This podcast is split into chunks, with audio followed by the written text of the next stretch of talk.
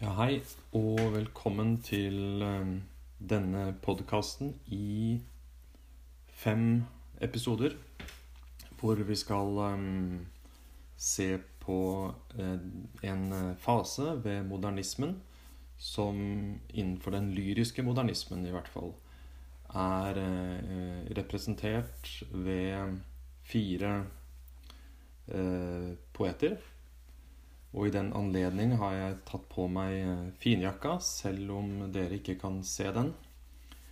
Eh, finjakka skyldes spesielt eh, at vi skal snakke om Olav H. Hauge. Som vel må antas å være den mest, i hvert fall i moderne tid, mest anerkjente norske poeten.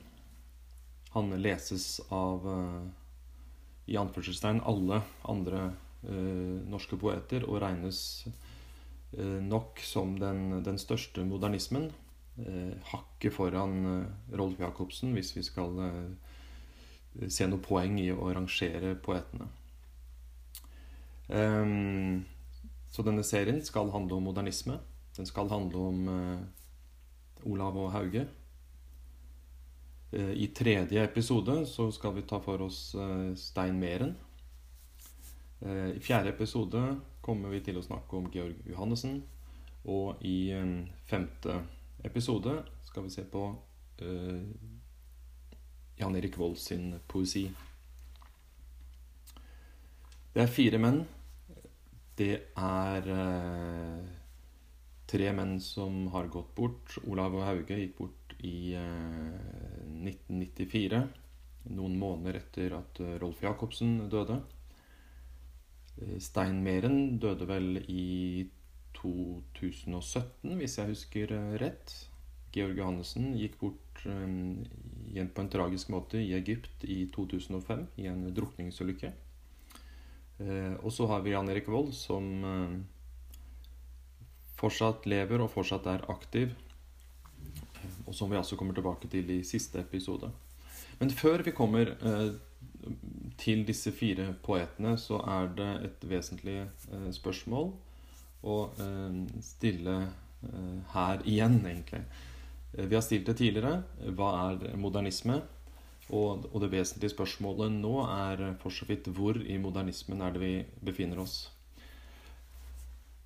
Um, for å svare på det første spørsmålet Det er jo ikke noe entydig svar på hva modernisme er. Og det tror jeg dere har um, fått med dere gjennom eh, de siste eh, mange forelesningene som har eh, tatt for seg modernister i den nordiske litteraturen på 1900-tallet.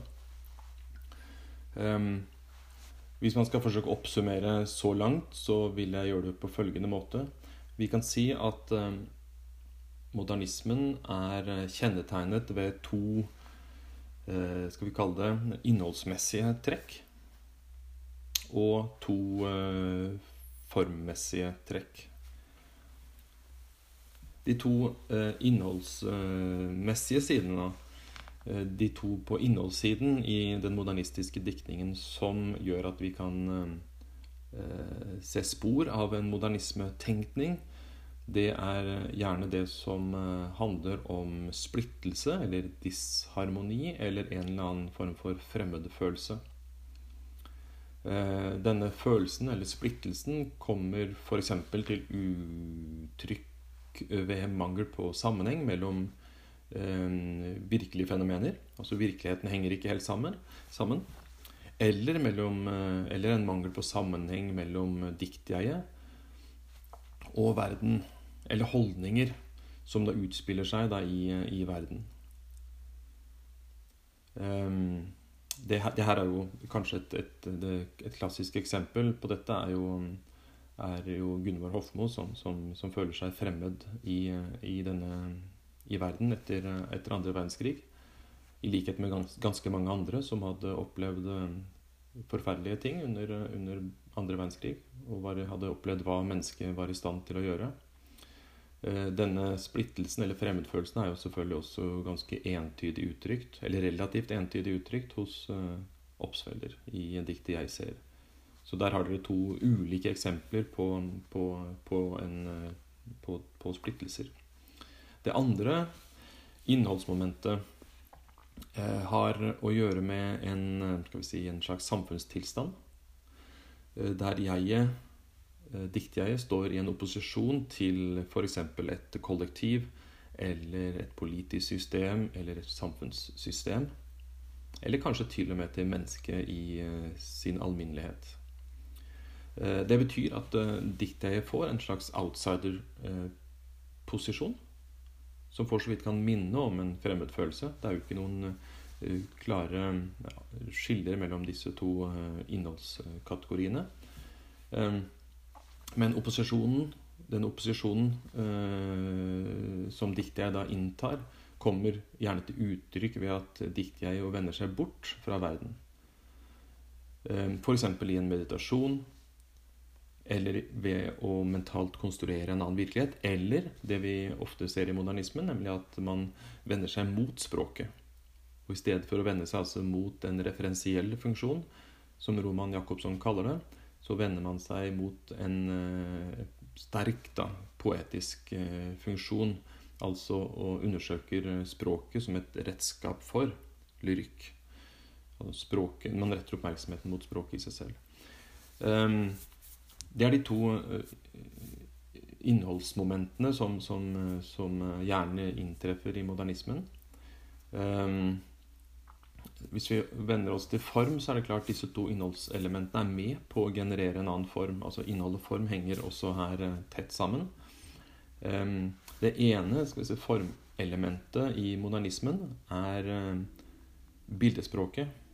Og da bruk av metaforer eller similer, altså sammenligninger, eller metonymier. Um, som jo er med oss i språket hele tiden, også når vi snakker uh, sammen akkurat uh, over, over, et, uh, over en, en, et lunsjbord, over en kaffe, eller når jeg snakker til dere nå. Men det som er spesielt ved modernistenes bruk av disse virkemidlene, det er at de, de ja, hva skal vi si, tar det helt ut. De, de, de lager bilder som er mer uvante, som, som er vanskeligere å, å, fortolke. De er mindre opplagte. Eller kanskje til og med skal vi si at de er mindre logiske. Altså som eh, leser så møter man en sterk grad av motstand eh, i, eh, i, disse bildene.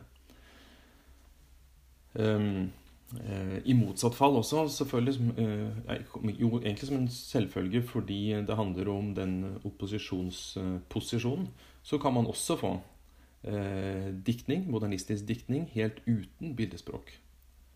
Altså enten et ekstremt vanskeliggjort bildespråk, eller ikke noe bildespråk i det hele tatt.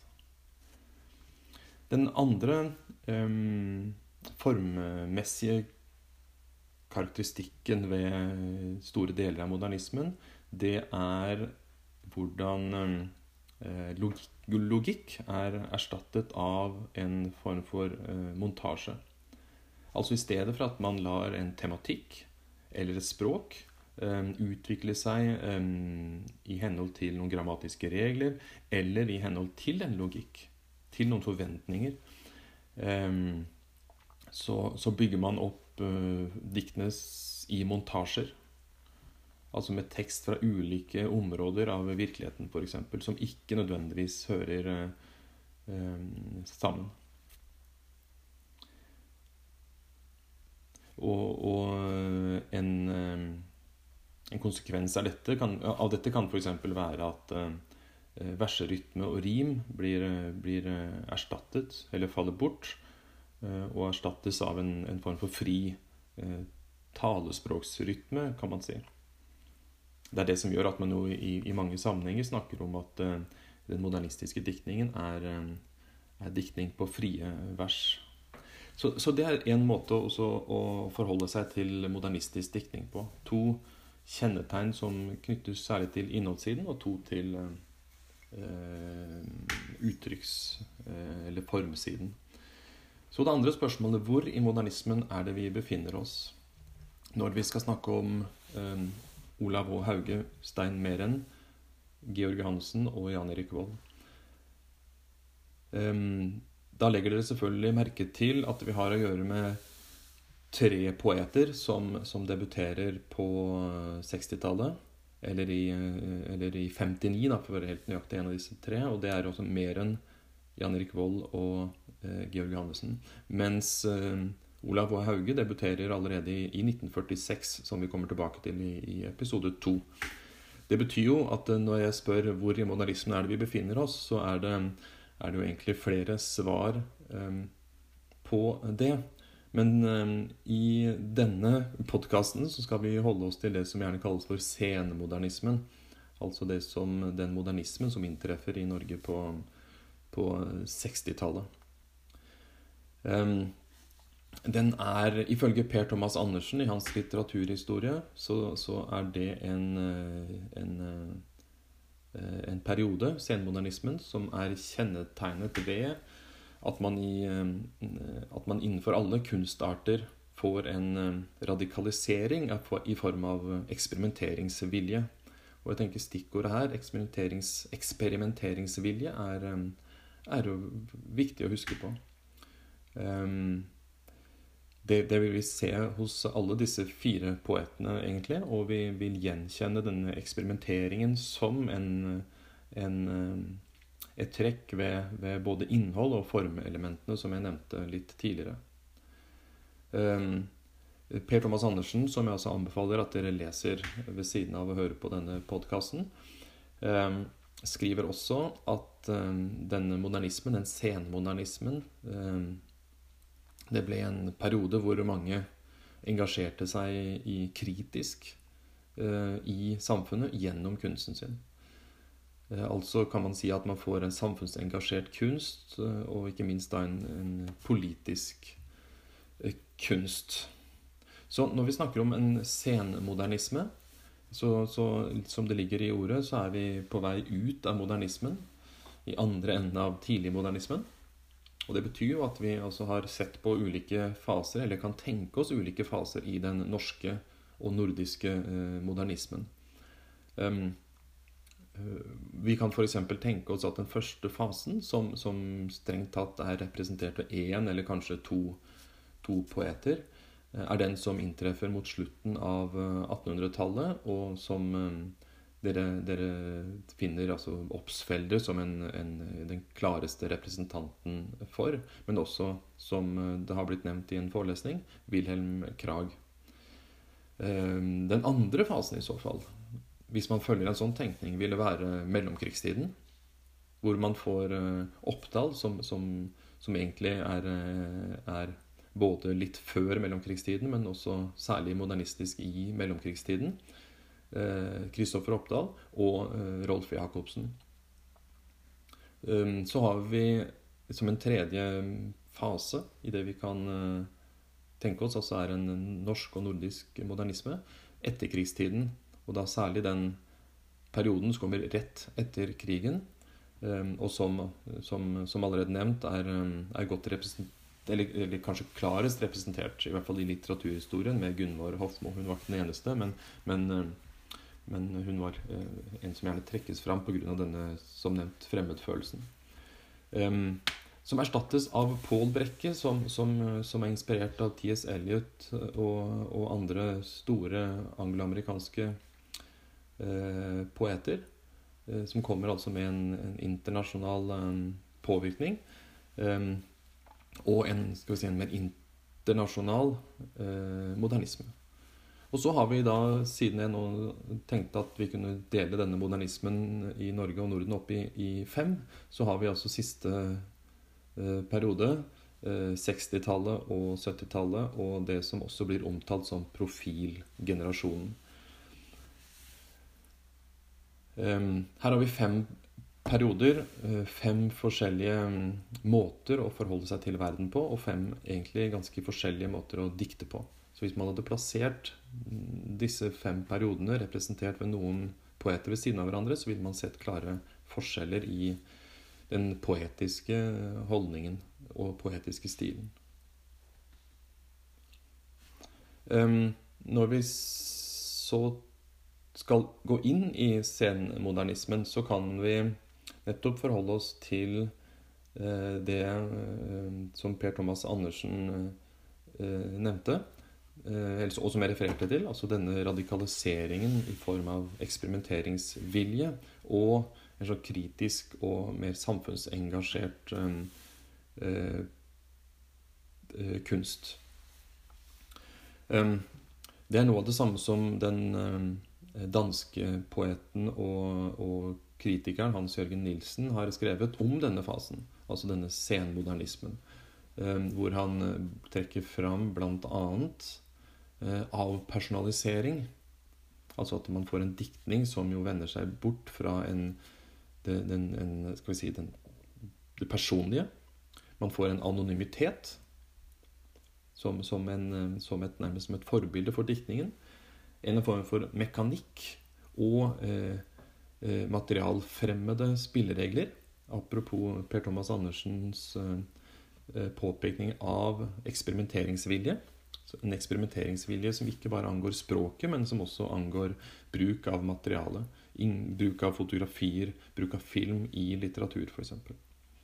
Um, og samtidig så understreker denne danske poeten og kritikeren Hans Jørgen Nilsen altså at man innenfor den senmodernismen også finner en flathet, en monotoni, eh, som peker mot, eh, mot eh, mangel på dybde i, i språket, og f.eks. En, en, en sterkere bruk av, eh, av et hverdagslig språk, eller til og med et språk uten eh, forsøk på å lage et språk uten Eh, bilder, altså uten metaforer og metonymier og, og sammenligninger.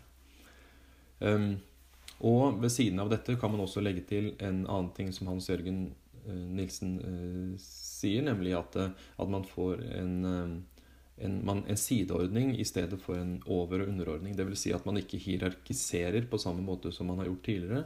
Det gode uh, kunsten mot den onde kunsten, det gode språket mot det, mot det dårlige språket, f.eks.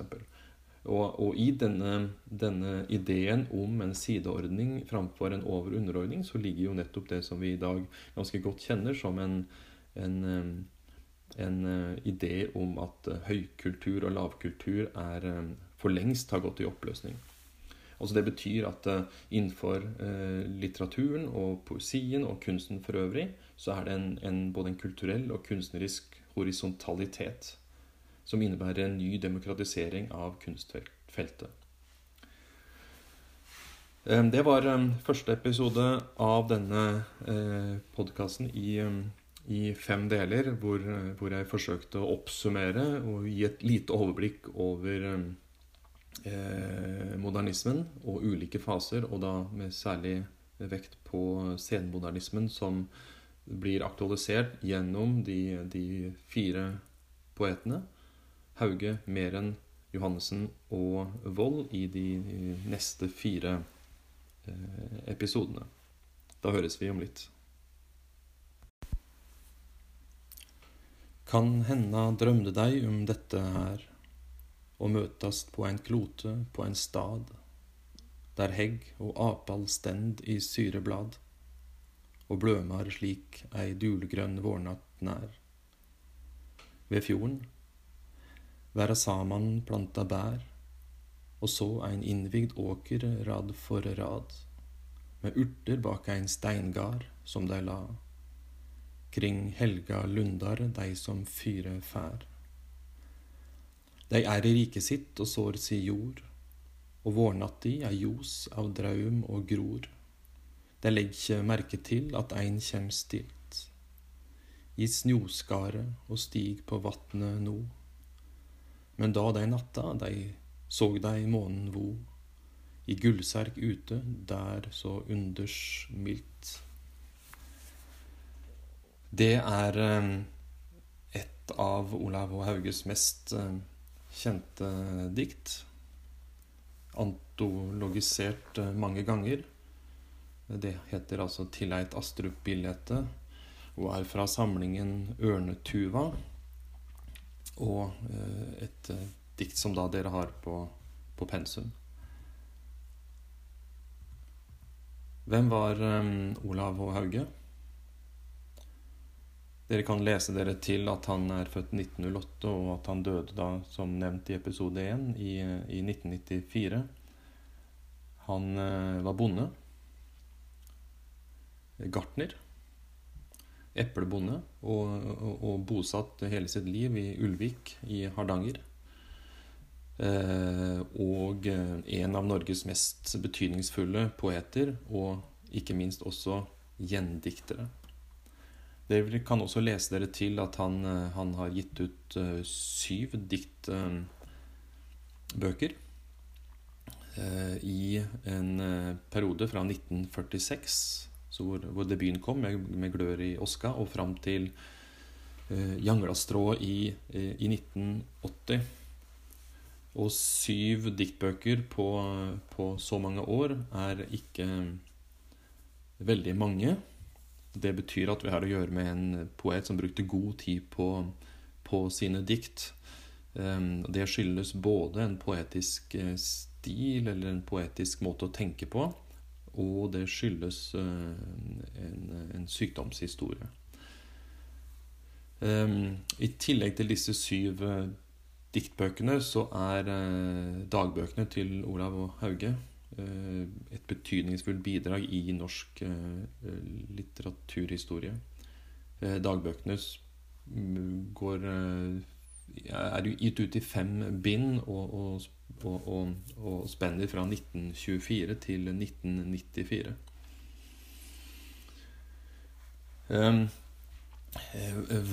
Hvem er Olav Hauge som poet? Han, eh, han, er interessant nok eh, en poet altså som, som skriver eh, dikt gjennom flere perioder. Fra 1946 altså og fram til, til 1980. Han, han, er litt lik Pål Brekke i betydningen at, at diktene hans jo da avspeiler ulike faser i, i norsk etterkrigslyrikk. Men likevel så er Olav og Hauges utgangspunkt et ganske annet enn en den mer urbane eh, Pål Brekke. Um, Hauge begynner i en tradisjon fra Olav Nygaard og for så vidt også Olav Aukrusts eh, eh, romantiske idealisme, som vi har snakket om i forbindelse med Olav Nygaard. Eh, det er en nynorsk tradisjon. Eh, og eh, følger vi eh, forfatterskapet igjennom, så kan vi gjenkjenne en utvikling der jo mm, Hauge etter hvert erobrer sitt eget formspråk, altså skaper sitt eget språk. En diktning der han vender seg bort fra, fra rim og, og, tradisjonell takt og faste strofer, eller strofeoppbygging. Um, og går over i, eh, i, i frie rytmer. Der det er mer ordenes mening og, og for så vidt også talespråkets pusterytme som er med på å avgjøre linjelengde. Det siste er jo en interessant, eh, interessant poeng med, med, hva som skjer med modernistene når de vender seg bort fra eh, det bundne formen og begynner å skrive på frie vers, der dagligspråket får en tydeligere eller talespråket får en tydeligere eh, eh, framtredelse. Det betyr jo at man f.eks. får en vending bort fra ord som ornamenter, eller der de får en sånn kraft gjennom en prakt. Um, også, og, og, rett, og, og, i stedet blir, uh, hva skal vi si, uh, sitt eget konkret, konkrete innhold. Altså man får et sterkere fokus på innholdet. Så f.eks. når et dikt hos, eh, hos eh, Olav og Hauge forteller om hvordan hverdagslivet må leves, selv om eh, virkeligheten er truende eller tung, f.eks. av historiske katastrofer eller av mindre eller mer lokale eller individuelle tragedier, f.eks. mellommenneskelige tragedier, så, så vil vil eh, Hauge i sin diktning konsentrere seg strengt om det enkelte fenomenet han, han velger å skrive om. Det betyr f.eks. at når han eh, skriver om et steinras, eh, så, så er, er som, han, som, han, har gjort flere ganger, så kan man si at dette steinraset både er en, altså, eller diktet både er en refleksjon om dette steinraset. Um, og samtidig så er det opplagt i hans diktning at steinras er noe mer enn bare steinras. Så det er en slags um, symbolsk overføringsverdi fra det enkle, det steinraset som et steinras, og til uh, andre livsområder. Uh, noe eksistensielt, selvfølgelig.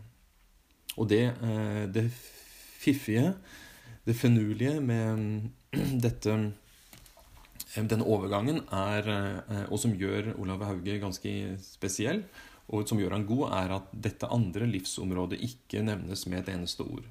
Det bare er der. Altså det er der uten å bli nevnt. Eh, og det er eh, et, et, et godt trekk. Um, som nevnt så, så, ga Olav Hauge ut uh, syv uh, diktbøker. Um, og vi kan, basert på disse syv diktbøkene, eh, eller med utgangspunkt i disse syv diktbøkene, gjenkjenne tre ulike faser i diktningen hans.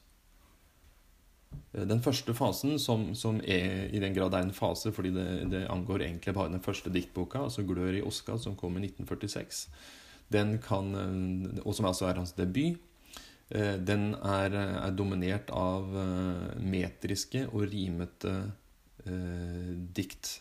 Så her er Olav Hauge på sin, sitt, sitt, mest tradisjonelle, og, og, godt innenfor den nevnte nynorsktradisjonen etter eh, Nygard og, og, og, Aukrust. Og for så vidt også Tore Ørjasæter, som jeg ikke nevnte, men han kunne også blitt nevnt i den sammenhengen. Eh, den andre fasen eh, eh utgjør eh, litt sakte, men sikkert egentlig et vendepunkt i forfatterskapet. Den inkluderer eh, de tre diktbøkene under bergfallet, som kom eh, fem år etter, etter debuten, i 1951. Seint råtnar skog i juvet, som kom eh, fem år etter der igjen, i 1956. Og på Ørnetuva, i, som kom i 1961, altså fem år etter der igjen. Eh, og særlig på Ørnetuva utgjør et tydelig vendepunkt i forfatterskapet. Eh, mot det som utgjør den tredje, tredje eh, fasen, og som inkluderer de tre siste diktbøkene i forfatterskapet. 'Dråpar i Austavind', som kom i 1966, altså fem år etter på Ørnetuva.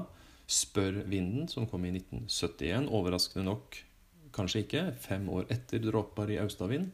Og så Jangla strå, som kom ikke fem år etter 'Spørvinden', men, men, men um, i 1980, altså ni år etter uh, 'Spørvinden'.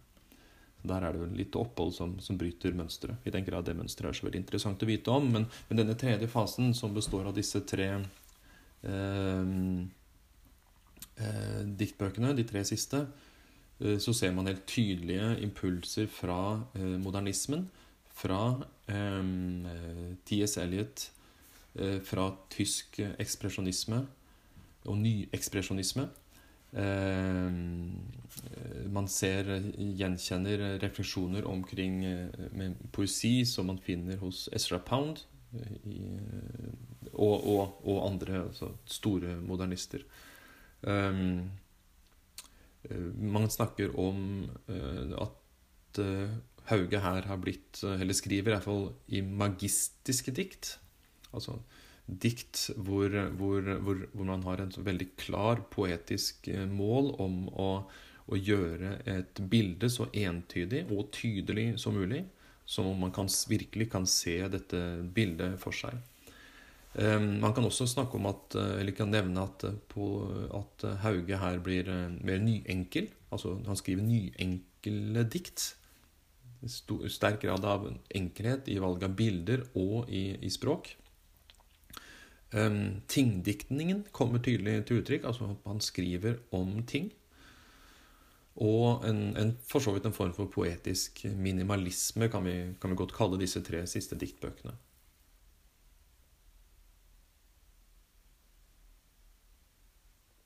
Et eksempel på denne poetiske minimalismen kan f.eks. være diktet 'Kvardag' fra, fra eh, 1966, altså fra 'Dråpar i Austavind'. eh, hvor, et, hvor, det annet heter i, i, eh, i, et dikt Men det gjeng an å leva i hverdagen òg. Eh, altså hvor man har et dikt her som jo nettopp peker på ikke behovet for å gjøre ting så vanskelig, eller å overføre erfaringer eh, og livsvisdom til, til en, eh, til en eh, metafysisk verden. Eh, men, men, nettopp å, å, leve i hverdagen, og også skrive dikt i hverdagen. Så det er jo en, disse to linjene som, som jeg nå leste, 'Men gjeng an å leve' i hverdagen òg, er også en poetikk. Og i, i, stor grad kan man kalle det for kanskje en Olav Hauges poetikk. Altså, det er hverdagen som diktene hans i sterk grad orienterer seg mot. Og da, da eh, Det fører meg over på det som er eh, nødvendig å kommentere veldig kort. Eh, hva, eh, nå har vi snakket om Olav Hauge, hvem han var, og, og, og hva slags utvikling vi kan spore i hans eh, eh, forfatterskap. Hvis man igjen skal prøve å samle ting eller poeng i, i, i, noe bestemt, så kan man si um, litt forenkla, selvfølgelig, men likevel så kan man si at det er tre ting som, som kjennetegner diktningen til Olav Hauge. Særlig. Eh, og, det, eh, og, det, er selvfølgelig mange ting, men hvis man skulle prøve å, å, å forenkle litt, så kan man si at uh, det er et poeng at hos uh, Olav H. Hauge er en sterk uh, nærhet til naturen i hans diktning at det er en eh, dominans, særlig i de tre siste diktbøkene, som, eh, som kanskje er de, de, mest kjente. Eh, det er en sterk dominans av tingdikt. Og det tredje, det er en, en tydelig hverdagslighet, en sånn hverdagslighetsholdning i, i, i, diktningen hans. Og at det er sånn, er ikke tilfeldig, tror jeg. Det handler om hvem Olav Hauge var som, som person. At han var en, en eplebonde fra Hardanger eh, som levde tett på naturen eh, der inne eh, i Ulvik. Eh, og skrev dikt deretter, eller ble formet som poet i en interaksjon med, med naturen. Enten han var der ute og så på naturen, eller om han Eh, og jobbet i naturen og erfarte naturen, eller og, og for den saks skyld så hvordan epletrærne og, den, og, og den naturens syklus um, var. Um, eller om han satt der inne og leste filosofi og andre poeter og, reflekterte over sitt forhold til naturen, til arbeid i naturen, og for så vidt også til uh, hverdag. Um, dette er jo reflektert altså, uh, i, i, et um, i et kort dikt som lyder sånn Dei vart ikkje til mellom bøker, attmed eit skrivebord, men vart til ute i arbeid med skog og stein og jord. Det er et, et programdikt, et, et uh, metapoetisk dikt om ikke bare poesi, men Olav Hauges egen diktning. De ble til i skog, i arbeid med skog og stein og jord. Det er en sånn nærhet mellom det diktjeget og og naturen og arbeid og hverdagen som er ganske karakteristisk. Og som for så vidt utover at det reflekterer en poetisk eh, poetisk holdning, så kan man også si at det, det reflekterer en filosofisk holdning. I, kanskje i tråd med, med, med Karl Marx' visjon om, om et idealmenneske. Eh, altså et kommunistisk idealmenneske, hvor, man, hvor, hvor det, hvor det bl.a. heter at eh, idealmennesket arbeider om, om formiddagen, er intellektuell om kvelden, og eh, hele tiden er en dikter. Det, det, er et poeng som, som eh, en kritiker i Klassekampen eh, i, på 1980-tallet, Halvor eh, eh, Fjermeros, eh, hadde som en karakteristikk på nettopp Olav H. Hauge. Um, tingdiktene Ehm, er gjenkjennelig i både treskodikt og sleggedikt. Tresko, et treskoddikt eh, lyder sånn Ein tresko, veit du, skal være å gå i, så ingen tarv sneida av hålen og tåi. Eh, eller sleggediktet Eg er berre ei slegge. eg stend der no. Eg lyt berre til når det røynar på. To enkle eksempler på enkle tingdikt, minimalistisk i sin form, og man kan gjenkjenne eh, nettopp hvordan disse diktene kan leses som henholdsvis et dikt om en tresko og om en slegge. Og samtidig så kan man, uten at det nevnes noen sted, eh, antyde eller nære eller kjenne etter at det, dette handler ikke bare om en tresko, og det handler ikke bare om en slegge. Altså En uh, lyt bare til når det røyner på kan, kan, kan, jo være en, eksempelvis et bilde på poeten. Kanskje den politisk eh, engasjerte poeten som er stille fram til det begynner å røyne på. Eller kanskje til og med arbeideren som, som, som trår til ekstra når, når det, det, også må. Som en parallell da, til poeten som nettopp da trår til ekstra når det, det, når det må til. Um, så nevnte jeg dette med hverdagslighet og, og, og, og um, et dikt som, eh, som, kunne vært et eksempel på det, er Kuppern Skrid i Squaw Valley, som jeg ikke skal lese her, men jeg tror jeg skal lage en, en powerpoint hvor, det, hvor, jeg skal eh, skrive inn det diktet. Men hvor dere kan legge merke til det når dere ser den, den powerpointen, at, at uh, det geniale ved Olav Hauge er at han tar tak i noe helt enkelt, noe han ser, og så skriver han inn en fortid, og kanskje til og med en, og ikke bare kanskje, men til og med en, en erfaring som jeg har hatt som, i barndommen i dette tilfellet. Og, og for å og konkluderer med både en med, med, hva skal vi si, en humor, humor og, og eh, eh, mulig metapoetisk eh, poeng ved å, å, å, skrive sammen minner fra, fra, fra, barndommen. Altså et, eh, et eh, skøyteløp og, og, det å se kuppelen i Skå Valley, altså skøyteløperen, kuppelen, eh, gå på skøyter, gå 10 000 meter i Skå Valley. Se eller høre. Det kan jo vært på radio også, selvfølgelig. Nå, nå, nå snakker jeg så mye om det diktet at jeg føler plutselig at jeg burde lest det. Eh, men det kan dere få lov til å lese. Fordi jeg har lyst til å komme til det Ehm, det siste delen eh, som vi skal eh, av Olav Hauges forfatterskap, og mer bestemt dette diktet som jeg innleda denne episode to med, til Eit Astrup Billete, som står i denne diktboka på Ørnetuva, og eh, som er skrevet til eh, Nikolai Astrup sitt eh, maleri. Eh, eh, 'Vårnatt i hagen', som ble malt i 1909. Og som dere for øvrig kan se på Bergen kunstmuseum hvis dere skal til Bergen eh, i sommer på norgesferie.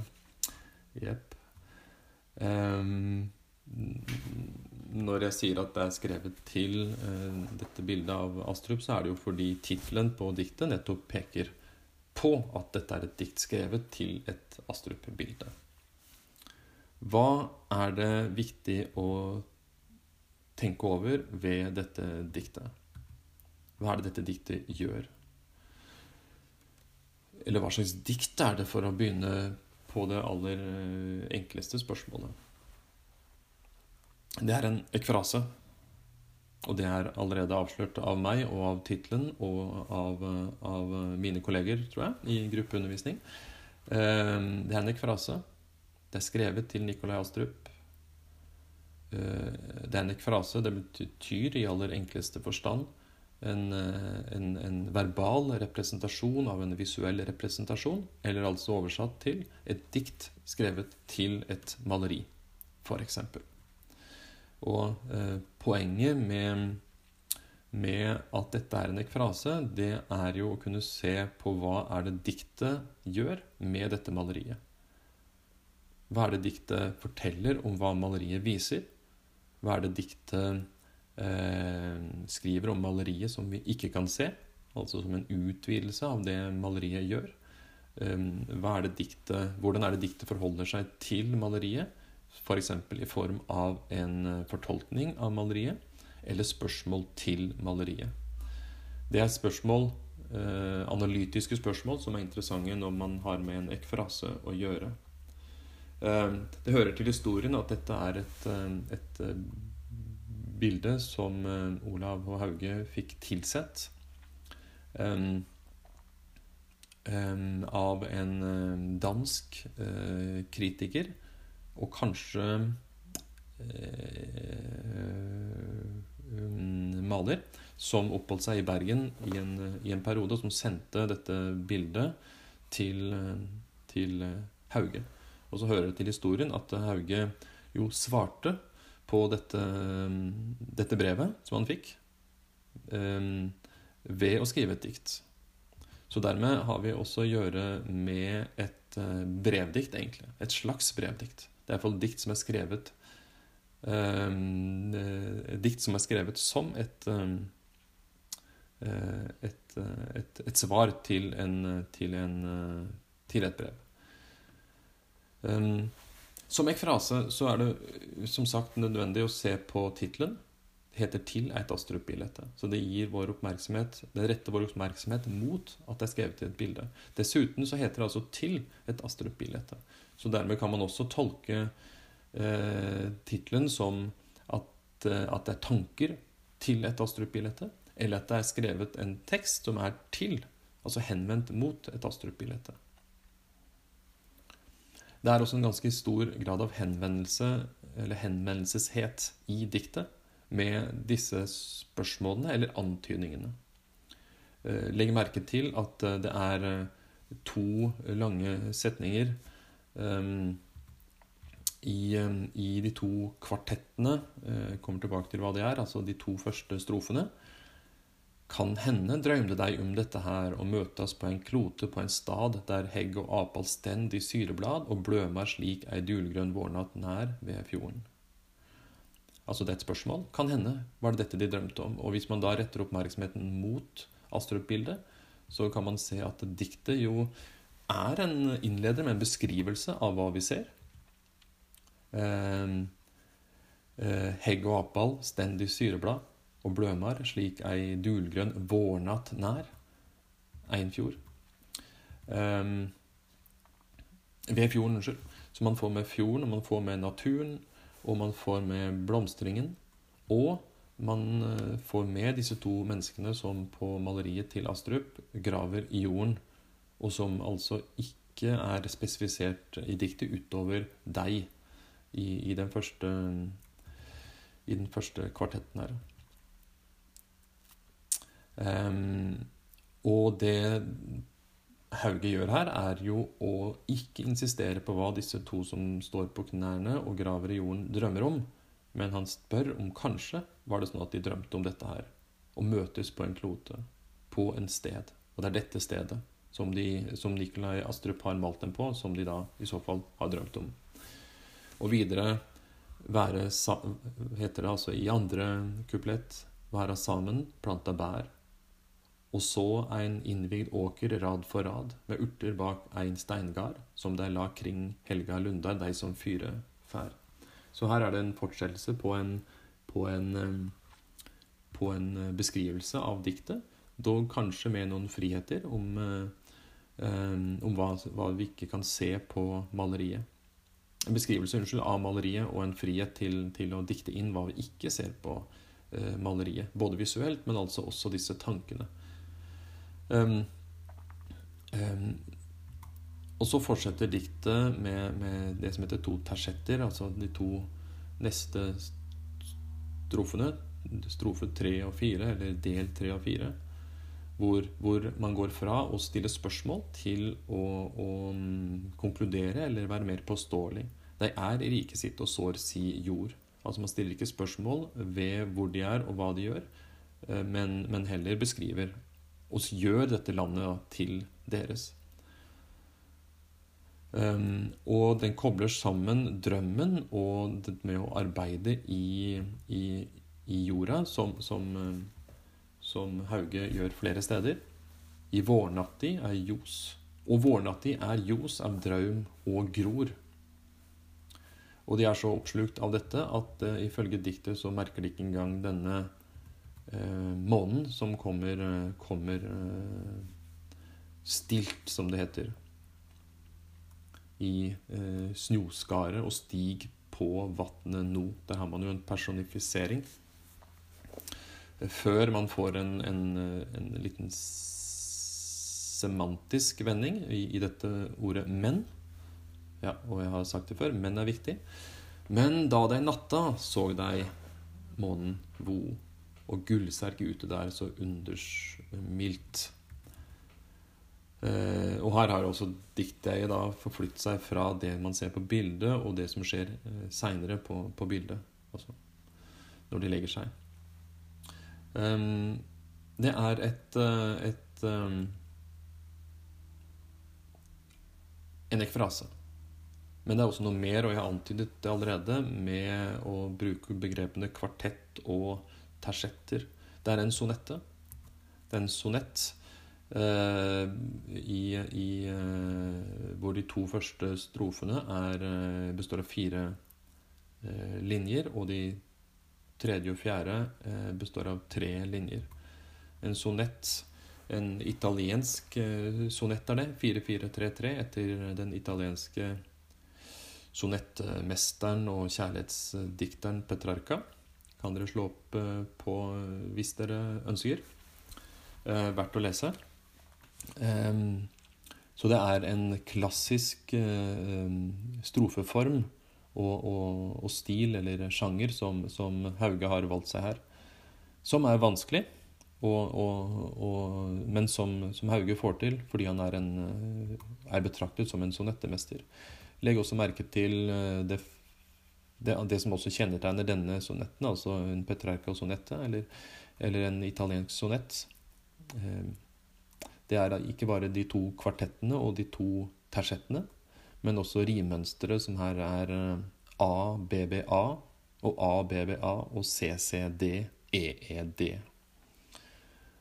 Um, uh, som en sonett så er det en, en, en tankerekke og en undring som, som diktet jeg gjør der spørsmålene som, som blir stilt i de to første kvartettene, blir besvart i tersettene.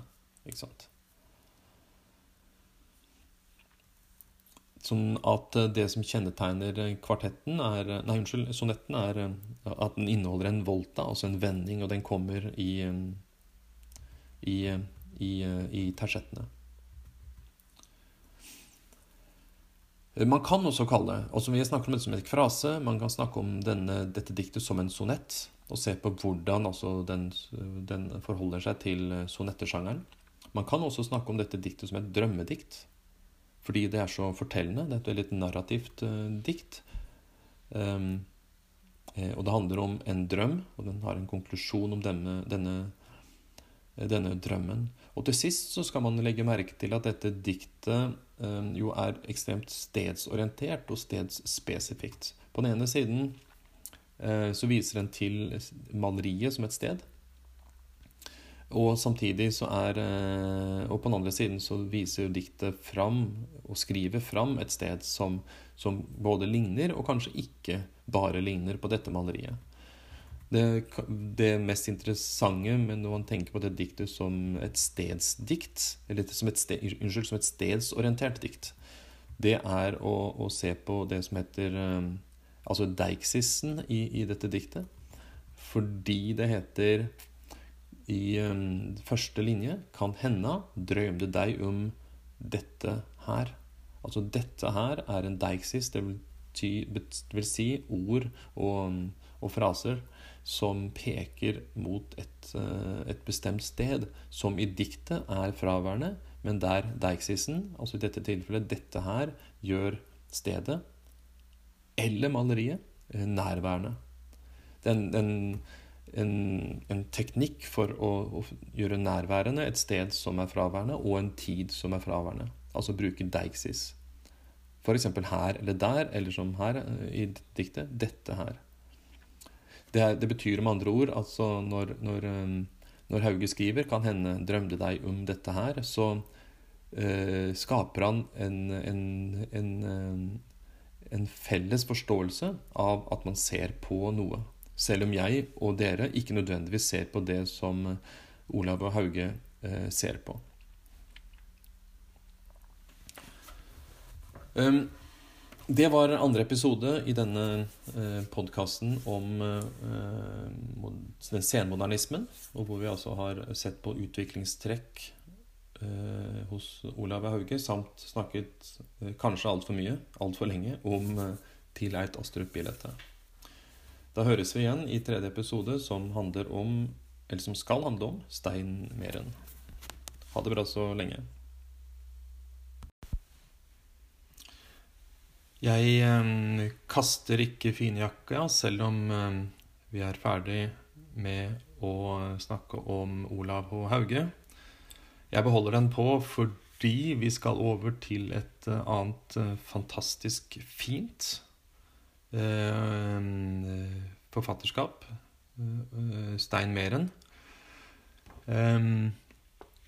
og det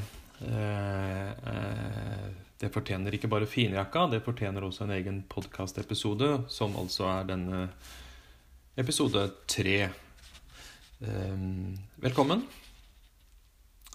Eh, Stein Meren ehm, er, eh, tilhører jo en annen generasjon enn eh, enn Olav og Hauge, samtidig som de altså er samtidige.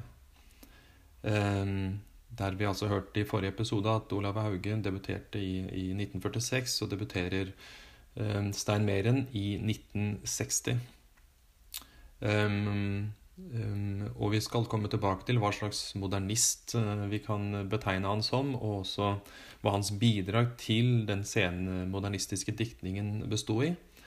Uh, men aller først så skal vi se på uh, den perioden 1960-tallet 1960-tallsmodernismen i Norge.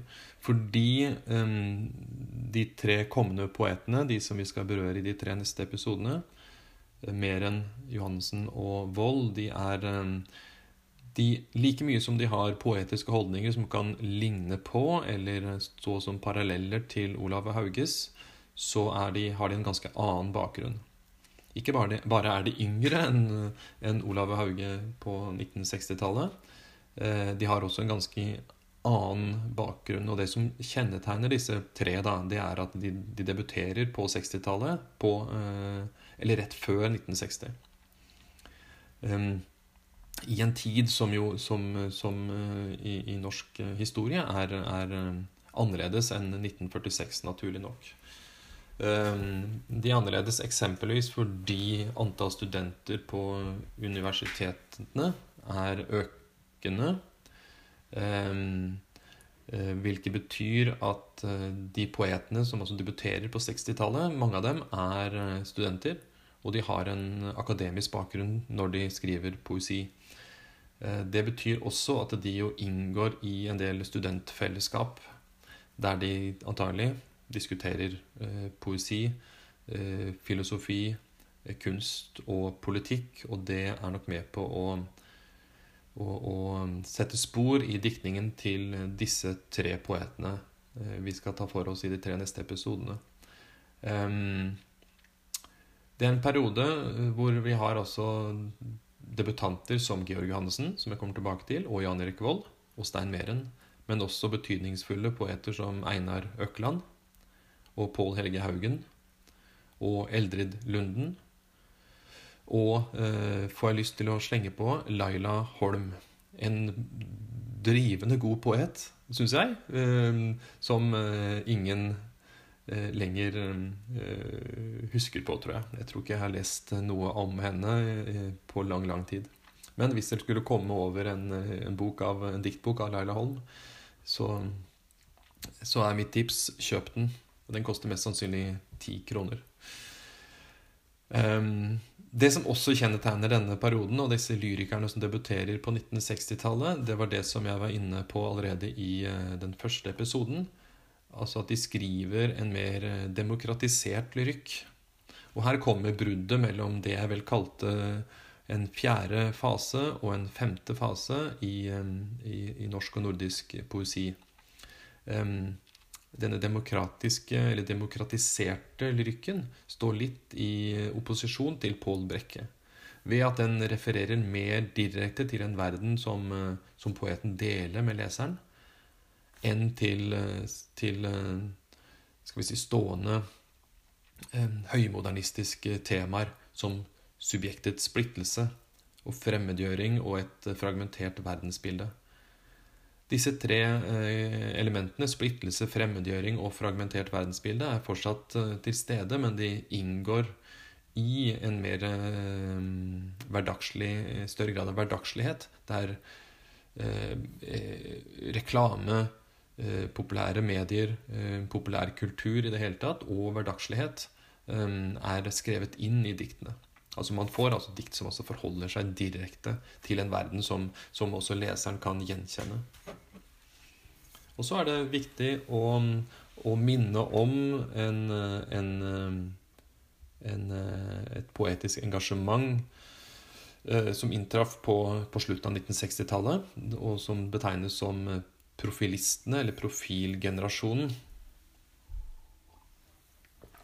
Um, Profilgenerasjonen besto av bl.a.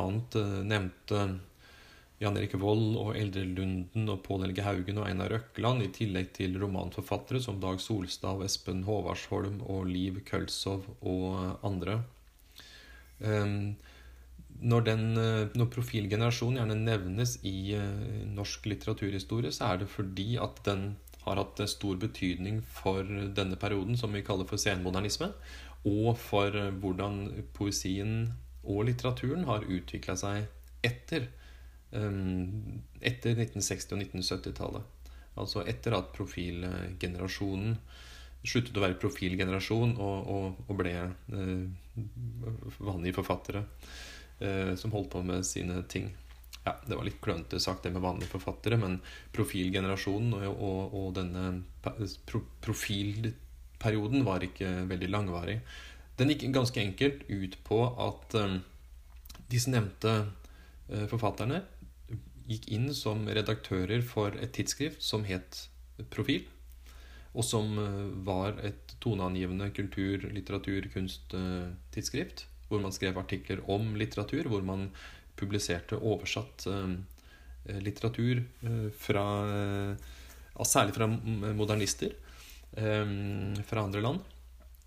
Um, og, og, der man jo proklamerte hva som var god litteratur, og hva som var uh, dårlig litteratur, eller uh, aparte. Um, det betyr også at de, de, strømningene som kom inn i profil, de var jo ganske selektive. Valgt ut av de, de poetene som altså satt i redaksjonen, og, og, og uh, representerte ikke bare disse forfatternes uh, poetologi, men også, også en, en, en, idé om hva norsk litteratur må bort fra, og hva den må bli. Uh, så når man sitter som redaktører i et tidsskrift som profil, så får man jo en, en, ganske sterk makt til å definere hva som er god litteratur, og hva som er uh, dårlig litteratur. Og de som skrev dårlig litteratur, fikk ikke nødvendigvis veldig god omtale i, i av profilgenerasjonen. Fordi disse eh, profilpoetene eller profilforfatterne de var ikke bare tidsskriftsredaktører for profil. De gikk også inn i ulike avisredaksjoner som litteraturkritikere og fikk dermed styrke sin posisjon til å påvirke utviklingen av norsk litteratur.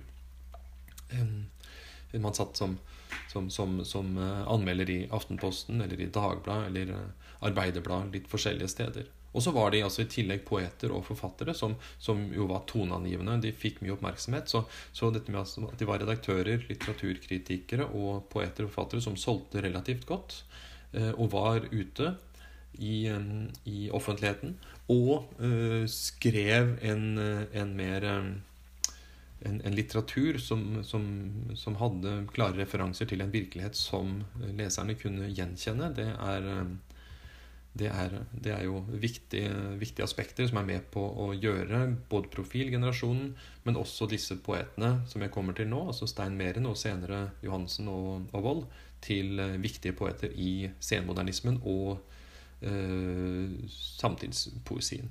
Altså De har formet mange av de forfatterne som har kommet etterpå. Om det er Cecilie Løveid eller om det er Nils Øyvind Haagensen. Eh, Stein Meren, i motsetning til Olav Hauge, som altså, som dere hørte, eh, publiserte syv diktsamlinger, så har Stein Meren skrevet mange diktsamlinger. Så mange at jeg eh, må oppfordre dere til å gå inn på Wikipedia eller til Aschhaug sitt, sitt forlag sin nettside for å, for å, telle dem i stedet. For at jeg skal fortelle hvor mange det er. Jeg har, ikke, har faktisk ikke telt dem. Men det er mange, og de kommer Eh, som perler på ei snor. Eh, på løpende bånd. Eh, debuten 'Gjennom stillheten en natt' i 1960. Og så kommer 'Hildring i speilet' 61 og 'Alene med en himmel' i 62 og 'Mot en verden av lys' i 1963 og 'Goblin Europa' i 1965 og så videre og så videre. Og så tror jeg den siste diktsamlingen kom i 2008. Og det betyr at det, um, det er mange diktspøker man skal gjennom for å forsøke å, å gi en karakteristikk av uh, utviklingen og det særegne ved Stein Meren sin poesi. Det vi kan si, det er at man finner både den, den, den der, Kall den ensomhet, eller fremmedfølelsen, som, som, er med på å betegne eh, modernismen litt ulike former for fremmedgjøring, men, men fortsatt en form for uh, fremmedgjøring. Man hører det f.eks. i den tittelen jeg nevnte, 'Alene med en himmel', som jo, som jo, som jo peker på et eller annet uh, uh, ja, Det peker på ensomhet, en eller annen form for fremmedfølelse. og samtidig noe ekstremt stort. altså Det å være alene med en himmel, det høres ut som et, et, et, et eksistensielt utfordrende situasjon å være i, for å, ja, for å si det på den måten. Um, men samtidig med at uh, um, mer enn sin diktning reflekterer en sånn ensomhet eller uh, fremmedfølelse. Uh, eller en slags lengsel etter kontakt og fellesskap. Eh, så har han også noe mindre tidstypisk og mer typisk, mer enn, altså noe særegent for mer enn um, Og det handler om et eller annet som kan minne om uh, en romantisk, eller romantikkens idealistiske verdensbilde. Um, som Seineren egentlig tar opp igjen i sin diktning, men, men fornyer ved å skrive disse inn i, i, moderne fenomener og i en moderne tid. Um, der jo dette, denne, denne, romantikkens idealistiske verdensbilde egentlig oppfattes som, som likegyldige svermerier. Altså man vil bort fra virkeligheten og det jordlige og, og mot noe annet. Um, Eh, dette, dette, dette, romantiske, idealistiske verdensbildet, men som likevel er annerledes enn den er i romantikken, det kan egentlig betegnes som en slags eh, forventning om at språket, det poetiske språket, um, har et innhold, altså har en betydning, eh og har en funksjon er en form for kommunikasjon, kan vi si. Um, der den, den, det ensomme diktjeget vil få kontakt med noe, noe stort. Med en himmel, med en gud, eller med en annen evighet.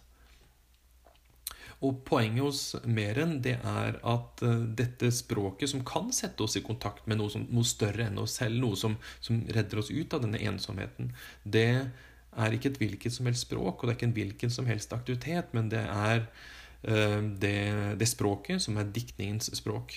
Altså Diktningen blir en aktivitet som kan få en, eh, et menneske, et individ, til å tenke lenger um, og, og, mer utdypende enn det man evner ved å resonnere logisk og med et, med et renere hverdagslig språk. Da.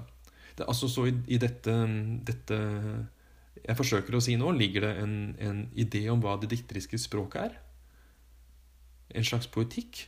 Og det ligger en idé om hva diktning er til for. Altså Det handler om å gi håp. Det handler om å sette oss i kontakt med noe som er større enn oss selv. Men likevel, hos Meren, som vi skal se, godt forankra i det hverdagslige, i hverdagslige mm, hendelser eller i verden. Altså Han overskrider aldri verden. Altså himmelen, som han også skriver om, eller, eller en stjernenatt, som man kan, kan, finne på å bruke som motiv, er alltid knyttet til et, eh, et konkret verdensbilde, altså den verden vi befinner oss i. Og når han gjør dette, så kommer vi over til noe annet som er viktig ved Stein Merens diktning, nemlig hans metode, som kan sies å gå ut på å se alle fenomener som tegn på noe større. Altså de er seg selv, og disse tegnene, det som skjer, det vi ser, det er også noe meningsfullt eh, som setter oss i sammenheng med det vi ikke ser. Altså det synlige kan man gjennom diktningen sette i sammenheng med det usynlige, og på den måten gi eh, eh, en, en, mening, altså. Og sette oss i kontakt med det, det, det, det vi kan si kalle det egentlige. Det som altså tegnet røper, eller det tegnet står for. Her er vi jo forresten, for de av dere som kjenner til strukturalistisk tenkning, her er vi godt inn i den strukturalistiske tenkningen. altså Et tegn som står for noe annet enn seg selv. altså Noe som tegnet skal røpe. Um, og med, med, disse karakteristikkene så kan vi egentlig kalle um, Merens for en, Stein Meren for en uh, poet som er uh, både språkfilosofisk og filosofisk uh, i sin skrivemåte og i sin tenkning. Um, Ivar Havnevik har i en, i en flott bok som, som, heter 'Dikt i Norge', eh, som, eh, om lyrikkhistorie fra 2000 til eh, fra, fra, Unnskyld. I en bok som altså heter 'Dikt i Norge', lyrikkhistorie, som handler om lyrikk, norsk, nordisk lyrikk fra år 200 til 2000. Har han, har, karakteriserer han Stein Meren som en eksistensiell modernist. Og eksistensiell modernist betyr eh, det, det, å orientere seg mot eller utforske selve eksistensen og menneskets plass i denne eksistensen. Um, um, litteraturhistorien har, plass, har, har behandlet uh, Stein Meren grundig. Um, og blant annet Per Thomas Andersen som har skrevet en bok også om, om, eh, om Stein Meren, så han vet hva han snakker om, har, har betegnet eh, Stein Meren sin poesi som original ved sin billedskapende evne og eh, en språklig overskridelsesteknikk der paradokset virker som intensiverende faktor. Det, det høres jo mm, vanskelig og, og avansert og, og, abstrakt ut når jeg bare leser det opp, men, men, dere finner det som et sitat faktisk på, i litteraturhistorien til Per Thomas Andersen på side 487. I hvert fall i den utgaven som er fra 2001. Ehm, det er for, for, for øvrig en, en, veldig god, fin og, og, og grundig omtale av Stein Meren i litteraturhistorien til Per Thomas Andersen, så jeg anbefaler at dere kikker på den. Um, men i dette, men i den forklaringen, eller karakteristikken til Per Thomas Andersen, så ligger det jo nettopp disse um, det, dette, dette, med å bruke språket uh, til å skride utover seg selv, og for så vidt også utover um, utover sansene, altså hva som kan ses, for å nå det som ikke kan ses. For å forbinde det som hverdagen ikke kan forbinde. Uh, eller å, å nå fram til det språket representerer eller, eller um, står for eller røper. Um, veldig kort kan vi si at uh, hos, hos, uh, hos Stein Meren er det tre dimensjoner uh, som, som, gjør seg gjeldende. Um, og den mest, den mest, karakteristiske er antagelig det mellommenneskelige. Hvordan han, Stein Meren skriver om mellommenneskelige relasjoner det kan være diktjeget og hans datter, eller eh, dets datter. Eller det kan være diktjeget og en kvinne. Det er mange av disse, disse motivene, disse mellommenneskelige motivene de, de, dukker opp svært ofte i, i Stein Merens diktning. Um, og det er jo en måte, en teknikk, han bruker for å, å sette oss i berøring med noe mye større enn eksempelvis en tilfeldig eh, observasjon eller en tilfeldig eh, sansning. Sånn som i dette diktet, som er lett, men samtidig eh, hvor det lette settes i kontakt med noe eksistensielt. Eh, og Diktet er langt, men jeg tenkte jeg bare skulle lese helt innledning på det. Og merk her at uh, de fire første linjene jeg leser, er både en del av diktet, og de er tittelen på diktet. Og de fire linjene har enjambement. Det skal jeg markere med pause. Uh, og det er jo på en gang litt morsomt at man bare begynner med, med diktet i tittelen, og så fortsetter man bare. Eh, men det er jo et eksempel på noe man gjorde i den senmodernismen, fordi man lekte med konvensjoner eh, og hadde en eller annen eh, form for, for altså eksperimenteringsvilje og glød eller glede. Jeg leser begynnelsen på diktet, og så kan dere legge merke til um, observasjonen. Det hverdagslige i observasjonen. Og samtidig en, en sansning som jo er alt annet enn hverdagslig. Som rett og slett er veldig vakker, og, og som, som, som, altså er tilfeldig, men samtidig helt avgjørende for dette diktjegets erfaring av virkeligheten. En kvinne leser et dameblad på en benk i en park i en frokostpause.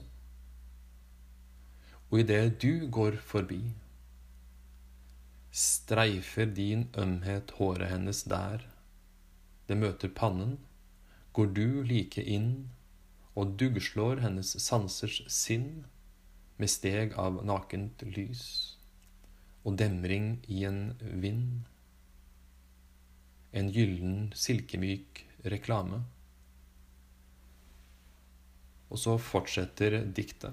Når jeg tok det med er, og leste det for dere her, så er det Én fordi det er veldig, veldig fint. Det er et veldig fint dikt. Eh, det inneholder ordet ømhet. Og skulle man trekke fram noen ord som karakteriserer Stein Merens eh, diktning, så ville et av de ordene jeg hadde tatt fram, vært ømhet. Altså det er en ekstremt tilstedeværelse av ømhet eh, i språket og i bildene hans. I sansningen så tok jeg det med ikke bare fordi det er fint, men også fordi det demonstrerer denne tilfeldigheten. Dette øyeblikket hvor altså en kvinne leser et dameblad på en benk i en park av alle steder, og det er altså en frokostpause. Eller en pause. Det er en tid. Og akkurat som det i det du går forbi, som det heter i den siste linjen som utgjør tittelen, i det du går forbi, akkurat i det lille sekundet der eh, duet passerer denne kvinnen som leser et dameblad, så streifer ømheten håret hennes. Der det møter panna.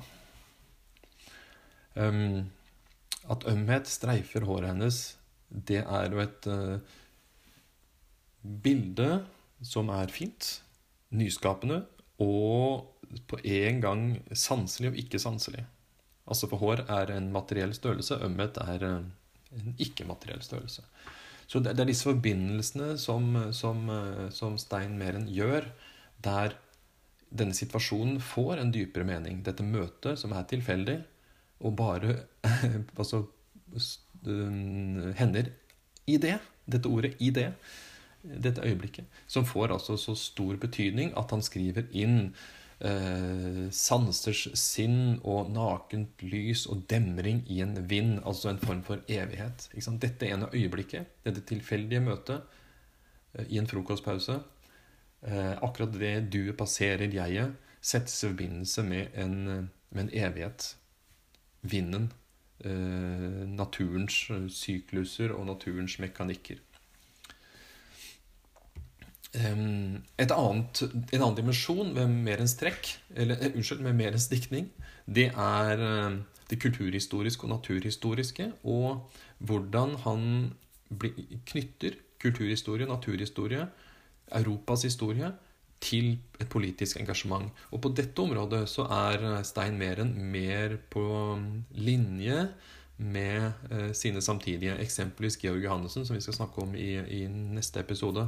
Altså denne engasjementet for en eh, politikk. Eh, og det beste eksempelet, eller kanskje det tydeligste eksempelet på hvordan han, Stein Meren også kobler kulturhistorie, europeisk historie, til politikk. Det ligger i, um, i, i Det finner man i diktene i den samlingen som heter Gobelin Europa. Der ett dikt nettopp er en, en godt eksempel på hvordan uh, Meren altså kobler kulturhistorie, kunst til, og politikk sammen. Eh, og det lyder sånn, og er ganske likt og samtidig ganske annerledes enn det forrige diktet jeg leste. Det er et Europa som samler måneskinn, et Europa av ruiner, monumenter, forvitrende søyler og buer. Hele landskap som samler måneskinn. Netter der lyset sig i støv og stjerneskinnets spindelvev omkring motivene, vever fortidens skimre land til bleke gobeliner. Men så begynner trådene å gløde. En natt da månen stiger av havet som en rød byll, der plutselig går hull på, og havet blir blodig.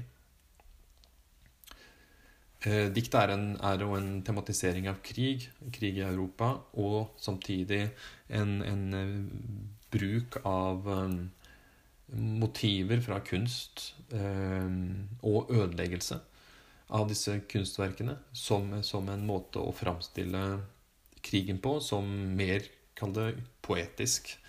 Eh, med fortsatt en, en, sånn eh, holdning til å lese eh, alt som tegn, og at tegn har en bakenforliggende eh, mening. Så det er jo et politisk dikt som er konkret, men samtidig ikke så konkret som man kan finne hos Jan Erik Vold og Georg Hansen, som jeg kommer tilbake til seinere i de to neste episodene. Og tredje, en tredje dimensjon ved Merens diktning, nå har vi snakket om det mellommenneskelige, det kulturhistoriske og naturhistoriske, som, som bærer i seg også politiske dikt. Det tredje kan være, Den tredje dimensjonen er eh, innskriving av landskap og norsk skog, fjell og kyst. Um, um, og det finnes det mange av. så det heter f.eks. en dikt i Goblin Europa. Havet, vekst og stamme, kime og skjød, dine Røtter stråler ut til alt grunnvann på jorden, fra der atomubåten sank, en giftig frukt, fremmedlegeme som forpester roten, er det ikke, som havets tre visner og falmer. Som havets tre visner og falmer. Og så fortsetter diktet. Men, men, poenget mitt her er egentlig bare å, å, vise som et eksempel, fordi dette også er jo dikt som er klart politisk, og det står altså i Goblin Europa, det også. Men, men, poenget mitt var egentlig bare å vise hvordan dette motivet med landskap og norsk skog, fjell og kyst også inngår i, i Steinmerens diktning som en dimensjon. Så disse tre dimensjonene de reflekterer jo eh, noe ikke spesielt geografisk, eh, men nærmest universelt. Det mellommenneskelige. Kjærlighet det tilfeldige møtet som setter deg i forbindelse med noe vakkert. Ehm, det reflekterer altså eh, en, en geografisk eh, fellesskapstanke, kulturhistorie og naturhistorie. Og noe mer nasjonalt fordi eh, mer enn også Fordi han skriver ikke bare som europeer og som en, som en filosof, eh, men også som en, en norsk poet, som jo vokser opp i et landskap med, med norsk skog, fjell og kyst, og som, altså, som man også bruker da, i sin diktning.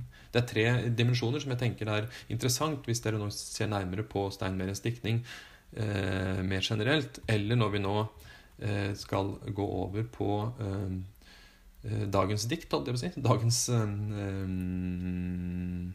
Steinmeren-dikt. Og um, kanskje et av Norges fineste dikt. Det var litt store ord, eh, og, og, det var litt subjektivt, kanskje. Men eh, dere har jo lest det, og dere kan gjøre opp deres egen mening. Jeg skal lese det for dere. Og i, hvert fall, i hvert fall er det veldig fint, og det, det kan man argumentere for. Og kanskje kan man argumentere imot det også. Det er litt typisk Stein Werendikt. Og det står i, i, Og det er altså det dikt som er på pensum, og det står i en diktsamling som heter 'Mot en verden av lys'. Og det er jo en tittel som ikke bare er fin, jeg syns den er fin, men den eh, peker også mot en, et håp. Den skriver fram et håp. Det er en bevegelse mot en verden av lys.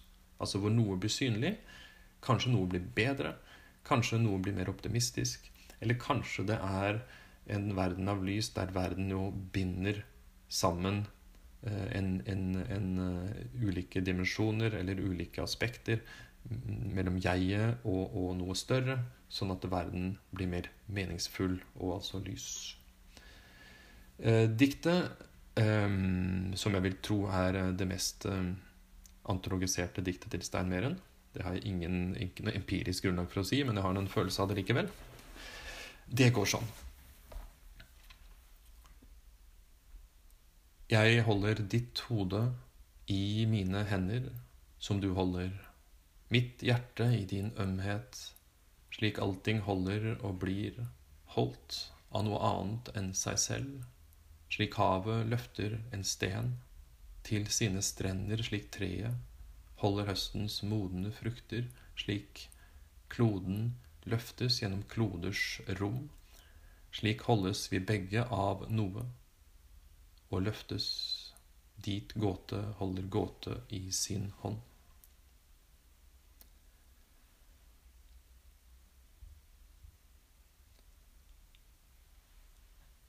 Um, om dette diktet kan man si veldig mye, og man kan si noe veldig lite. Ivar Havnevik, som jeg refererte til i sted, som også har skrevet denne boken om uh, dikt i, i, Norge, en, en lyrikkhistorie, eh, summerer opp dette diktet på én linje, hvor han, hvor han, skriver I bunn og grunn gjelder det gåtene om selve eksistensen og menneskets plass i denne.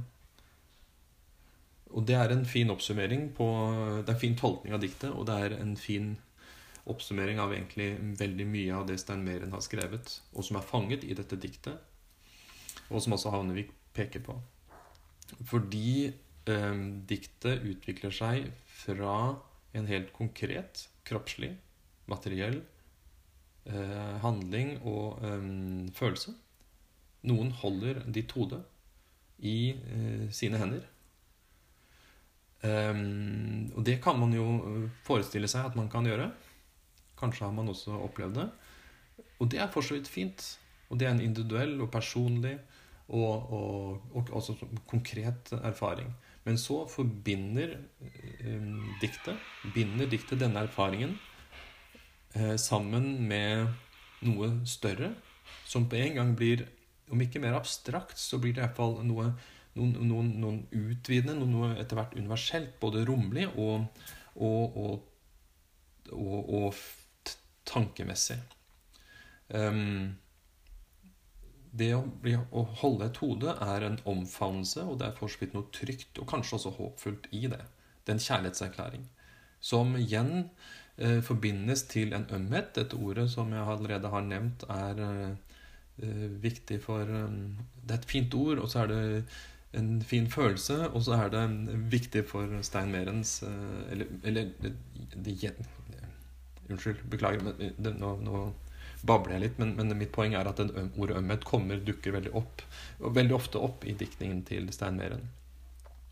Eh, der dette konkrete, ditt hode, etter hvert blir eh, At hun holder ditt hode, blir at allting holdes og blir holdt oppe av noe annet enn seg selv. Sånn at hver og en individ eller hver og en ting i denne verden klarer seg ikke selv men er avhengig av en ømhet eller at noen holder eh, og blir holdt av noe annet. Og så kommer disse, denne semilen. Eh, for det første linje uten punktum, kan dere merke dere, eh, er altså 'jeg som holder ditt hode i mine hender', som du holder mitt hjerte i din ømhet. Slik alltid holder og blir holdt av noe annet enn seg selv. Så man går fra 'jeg holder ditt hode' konkret til similer. Så det er et similedikt, kan man kalle dette her. Som du holder mitt hjerte. Eh, slik allting holder og blir holdt. Slik havet løfter en stein. Slik treet holder høstens modne frukter. Slik kloden løftes gjennom kloders rom. Og der er vi jo liksom i det største som man kan tenke seg, altså i det mest abstrakte, eller i det mest, uh, i det mest utvida uh, måten å tenke på. Altså hva skulle være utenfor uh, dette at kloden Eh, løftes gjennom kloders rom. Hva, hva, skulle være utenfor kloders rom? Så her favner genialt, vil jeg si. Stein Meren. Denne følelsen av at noen holder ditt hode, eller at, eh, erfaring av at noen holder ditt hode, eh, til at noen holder eller noe, eller kloden, blir løftet opp og gjennom kloders rom av noe. Og hva er, det man, hva er det så som holder alt sammen oppe? Ja, Det er vel kanskje, det er iallfall min gjetning her, da. Det er denne gåten. Altså det er en gåte som holder gåte i sin hånd. Um, og at det ikke er noen svar på den gåten, det vet jeg ikke. Men diktet forsøker i hvert fall ikke å svare på den gåten på en annen måte enn den måten diktet ifølge Stein Meren kan svare på en gåte. Nemlig å si at gåten holder gåten i sin hånd. Altså er kanskje diktet gåten og gåtens svar. Og det er kanskje nettopp det som er poenget.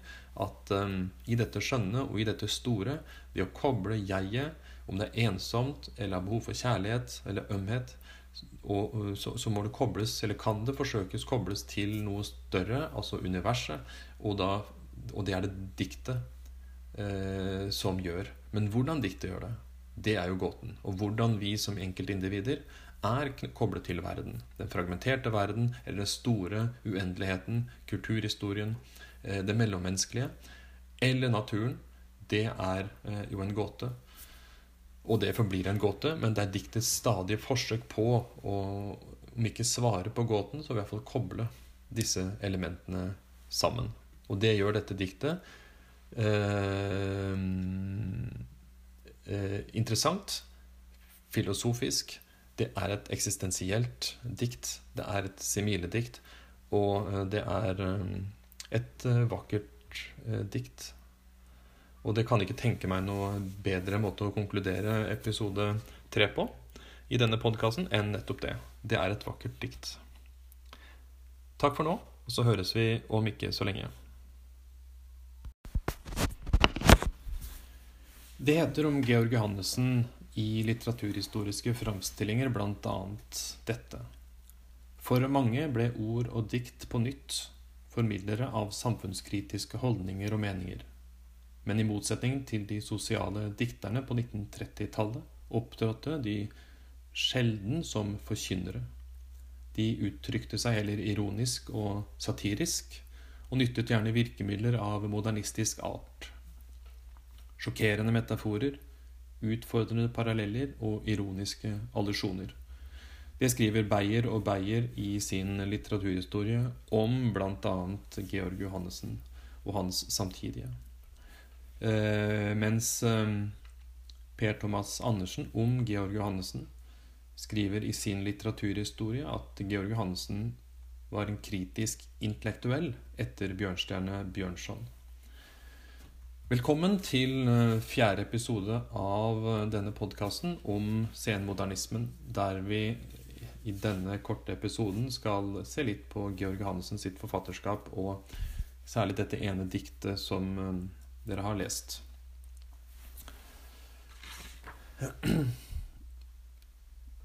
Georg Johannessen debuterte som lyriker året før Stein Meren, altså i 1959 og ble i likhet med Stein Meren eh, et navn som alle unge lyrikklesere fikk et eh, forhold til. Han skiller seg eh, ganske kraftig i stil fra Stein Meren. Ivar Havnevik har i sin lyrikkhistorie kalt Georg Hannessen for en kritisk modernist.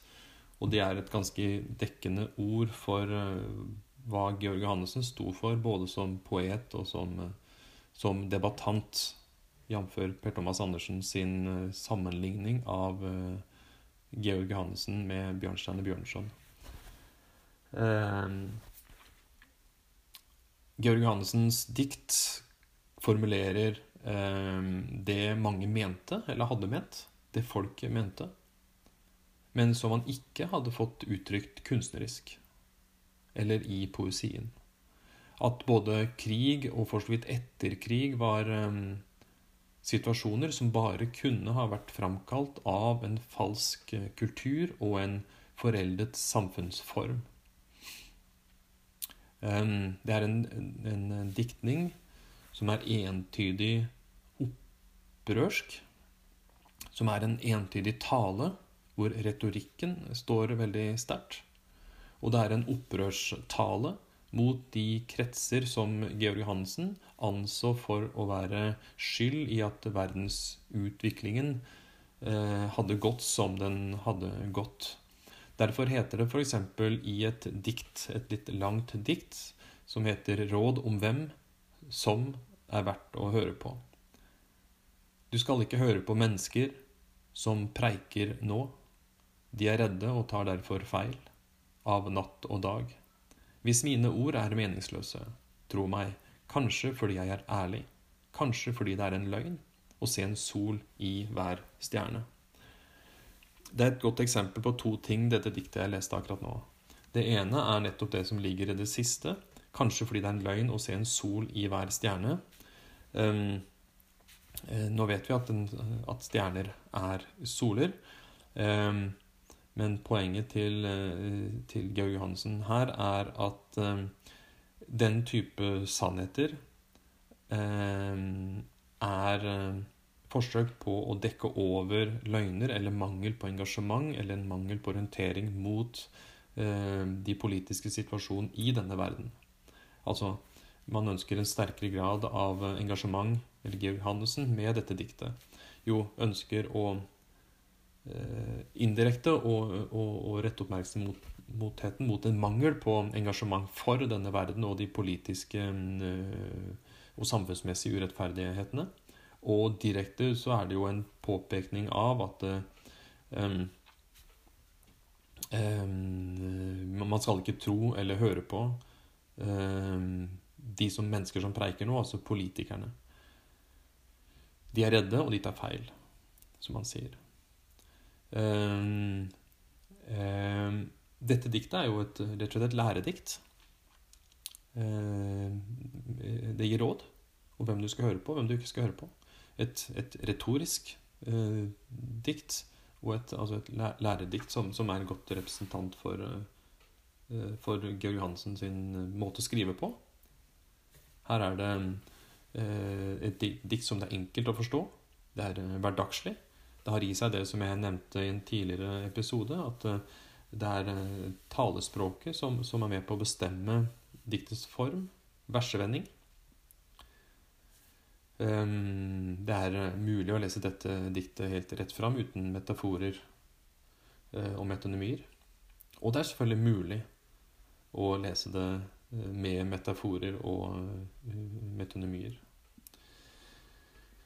Um, Georg Hansen debuterte egentlig som uh, romanforfatter med romanen uh, 'Høst i mars', som kom i 1957. Han er ikke en utpreget poet. Han skrev uh, fire diktsamlinger. Debuten som heter Dikt 1959, som kom i 1959. Eh, to år senere nye dikt, altså 1961. Også to diktbøker som han har fått veldig mye oppmerksomhet for. Nemlig Ars Moriendi, som kom i 1965, og Ars Vivendi, som kom i 1999 som en slags oppfølger 34 år etterpå. Ars Moriendi eller De syv dødsmåter, som er, er undertittelen på den dikts, diktboka. Uh, begge disse to, Ars Moriendi og Ars Vivendi, er system, systemdiktning. Det vil si det er et system som, som, som bestemmer diktenes form og, og, hvordan de er strukturert i diktsamlingen. Og de omhandler Eh, både levemåter da, eh, og, og dødssynder. Ars moriendi. Eh, de syv dødsmåter, eller de syv dødssynder. Altså hovmod, hovmod grådighet, begjær, misunnelse, fråtseri, vrede og latskap. Så det finnes altså et system, en, en både tematisk og formmessig, som, som, er lagt til grunn for disse diktene. Systemet er sånn. Det er 49 dikt Hvert dikt på tre ganger tre linjer. Og det er sju dikt per uke i sju uker. Så det er altså systemet. Og det er det samme systemet i Aris Viviende også, så vidt jeg, vidt jeg, husker. Den har jeg ikke lest eh, på veldig lenge, men, men, men, men, det er ikke så viktig. Poenget er at det er systemdiktning. Um, både disse og, og, de to andre diktbøkene um, kjennetegnes ved diktning som er kritisk. De er ofte skarpe i tonen, direkte. Og samtidig så kan de kombinere det, det, det alvorlige med det morsomme. Jeg skal komme et eksempel på det om litt. Er en annen ting som kjennetegner Georg Hansens dikt, er at de har en vid referanseramme mot en klassisk dannelse. Her er det jo for så vidt en fellesnevner nevner med Stein Meren, som også har denne vide referanserammen mot kulturhistorie og kunsthistorie. Um, uh, og når Georg Johannessen har den, så, er det noe med på å gjøre han både litt elitistisk Man får en følelse av at han er elitistisk. Og man får en, får en, følelse av at Georg Johansen er vanskelig å lese. Og det er klart, Ars Moriendi f.eks. er ikke lett å lese. Men den har likevel, den også, som annen diktning hos Georg Johansen, den har en har en poetisk form og et poetisk språk som, som, som gjør det mulig å, å, å, likevel forstå uten for mye motstand. Men det er krevende diktning fordi du vil tjene på å kjenne til en del av de klassiske referansene som Georg Hansen har i seg. Eller de, de veldig mange klassiske referansene som han har i seg. Um, jeg nevnte i den forrige episoden om bakgrunnen til disse, disse poetene og forfatterne som debuterte på 1960-tallet, altså at de var studenter og akademikere. Georg Hansen var ikke noen unntak. Um, uh, han var eh, poet, selvfølgelig. Også gjendikter. Uh, kritiker. Essayist. Aktiv samfunnsdebattant. Han var også universitetslærer på Universitetet i Bergen. Og, og forsker på litteratur. Og, og, og professor i retorikk.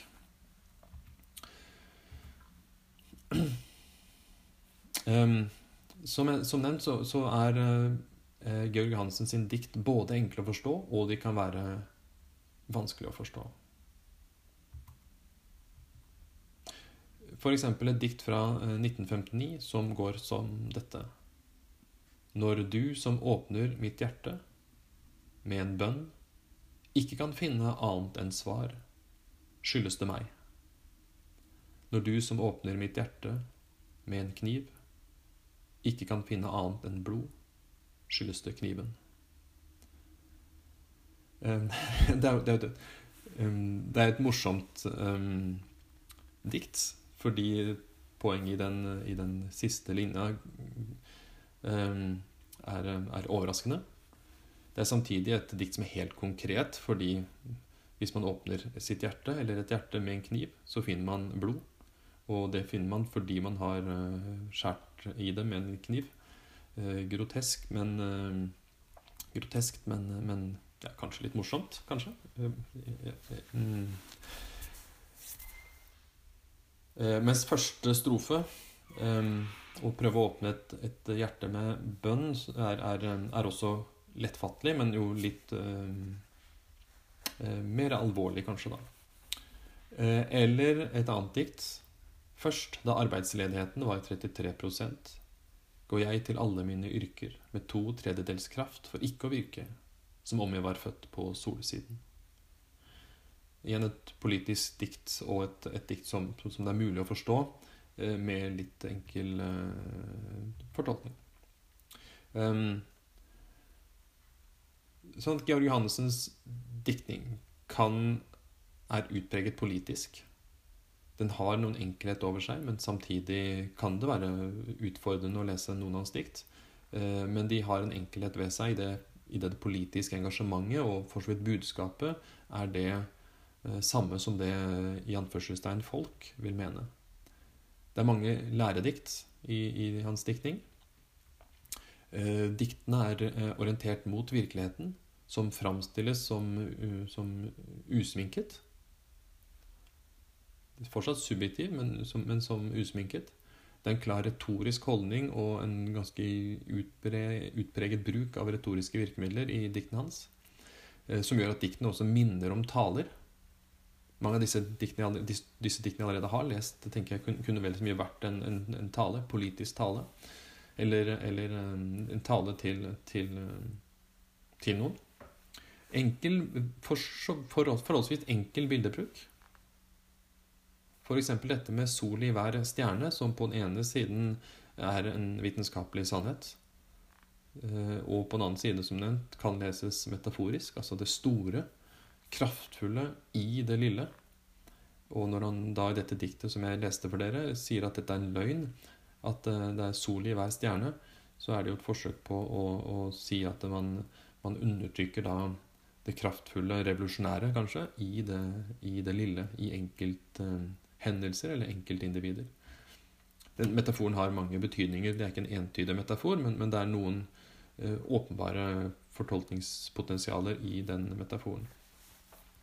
Um, og så ser vi disse eksemplene som jeg peker på nå, uh, at Johannessen skreller bort klisjeer og egentlig vanetenkning fra språket for å kunne tenke nytt og skape et nytt språk. Politisk språk og et poetisk språk. Altså, Hans diktning er politisk av to grunner. Det ene er at det handler om konkrete eh, politiske eh, hendelser eh, eller saker.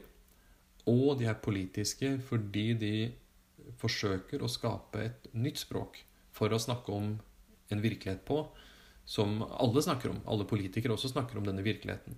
Men med et annet språk så, er, så blir diktene hans eh, politiske fordi de snakker om eh, de samme sakene på en annen måte. Så det ligger en politikk i språket. I, en, ja, i bruken av språket og i bruken av eh, dikt. Um, og det ser vi i dette diktet som dere har på pensum, og som er uh, igjen et enkeltdikt. Det er en sang. Unnskyld. Det er en sang, og det kunne vært en tale. Eh, fire strofer, hver på fire linjer. Altså veldig ryddig, klassisk, ordentlig bygd opp. Og det går som dette her. Dette lys er ikke solen, men en brann. Disse skyer er en røk og ikke vann. Denne grunn er bare aske, ikke jord. Denne sang er bare handling, ikke ord. Altså sier man allerede i første strofen at uh, dette er en sang som er uh, handling og ikke ord. Det er jo paradoksalt fordi man jo synger nettopp ord, men, men, diktet vil være noe annet. Og det er også å være en handling. Og da får den jo allerede en politisk, performativ uh, kraft. Det vi ligger i, er piggtråd, ikke lyng. Dirigenten roper 'skyt' og ikke 'syng'. Med gevær og ikke stokk står vi parat, og i hånden ingen gren, men en granat. Det som tordner, er kanoner, ikke storm. Det som lyner, er et folk i uniform. Dette folk er ikke folket, men en rest. Det er mennesker som dreper, ikke pest. Denne sang er bare blod og ikke blekk. Dette folk er ingen fugl som kan fly vekk. Denne krig er ingen krig som kan gi fred.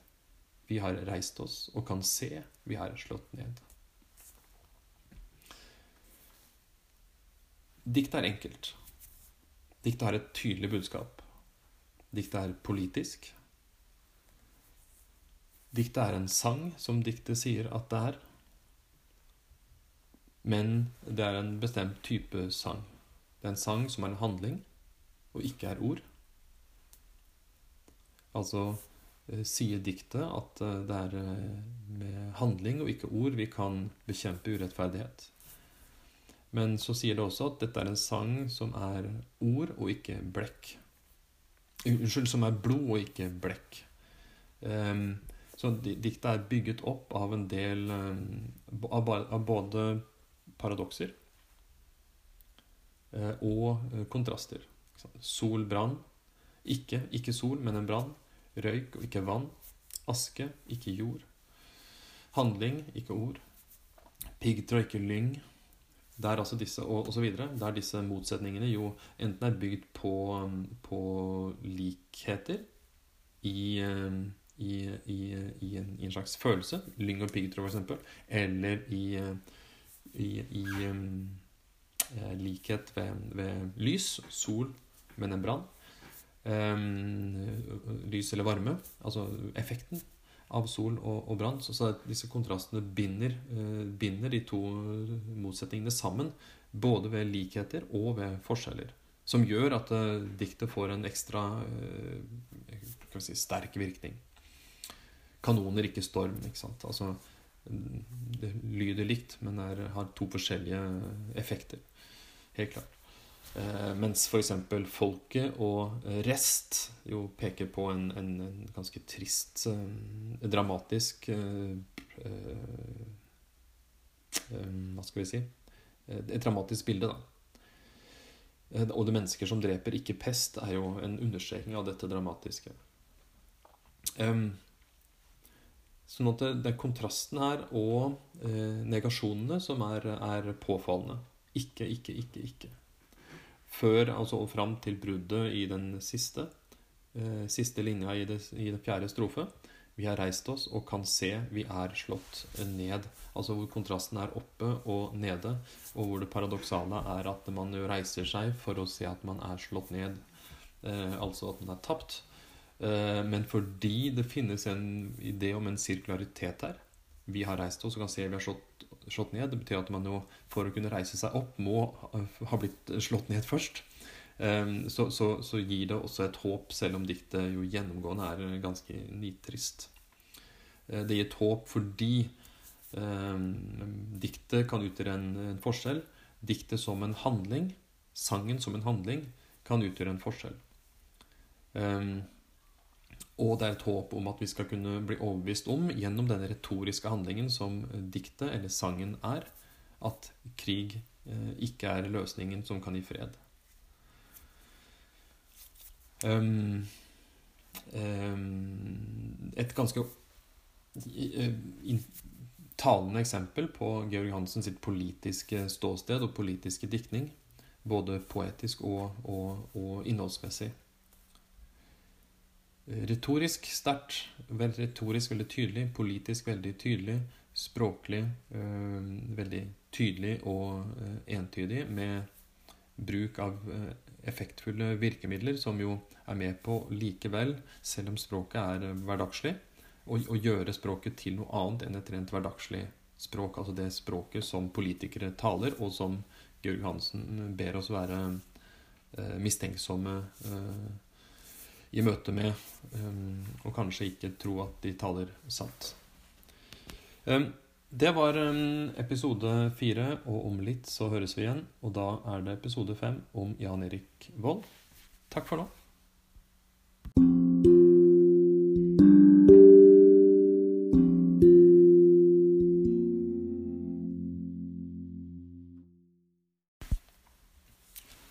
Jan Erik Volds poesi er iøynefallande personleg. Eit opplevande, eit reflekterande, eit talande menneske er støtt til stades. Jamvel i dei smilande, nesten anonyme språkleikane eller dei strenge systemdikta er alltid leikaren, den smilande eller den strenge med. Det skriver Einar Røkland poesi, poetkollega til, eh, om Jan Erik Vold sin eh, poesi. Eh, og han vektlegger, som dere altså hører, to ting, to trekk ved Volds poesi. Det personlige, at det alltid er til stede. Et talende, reflekterende og opplevende jeg, et menneske. Og eh, dette mennesket som et leikende, smilende eller strengt menneske. Velkommen til episode fem av eh, senmodernistisk eh, En podkast om senmodernismen i norsk eh, lyrikk. Der, altså, der, vi altså skal snakke om eh, Jan Erik eh, Vold.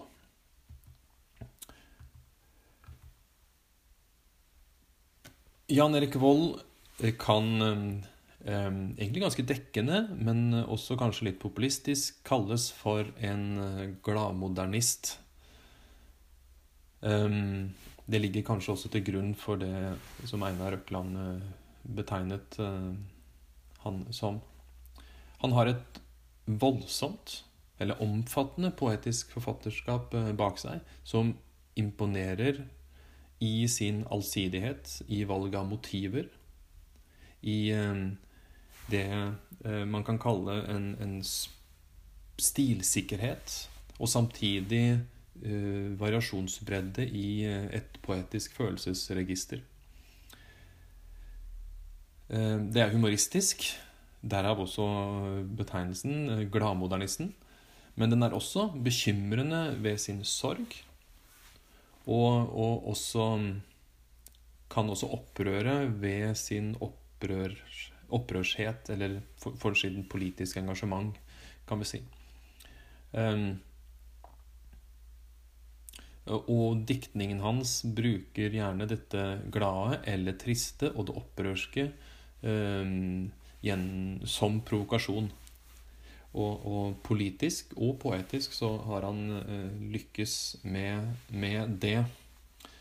Uh, når, når, vi snakker om, eller jeg snakker om Jan Erik Vold som en uh, munter poet, så um, er det noe som han, han selv også har trukket fram i en, en, en, bok som han skrev i 1976, som er en essaysamling så sier han eh, jo dette om 60-tallsmodernismen.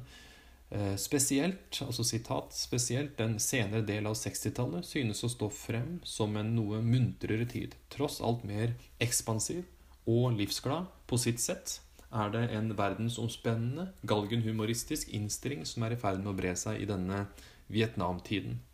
Ugreit å si, men en må nå i alle fall kunne foretrekke Beatles og Bob Dylan framfor Elvis Presley og Frank Sinatra, uten å skulle gi altfor dypsindige grunner, og også konstatere at etter Camus følger Beckett.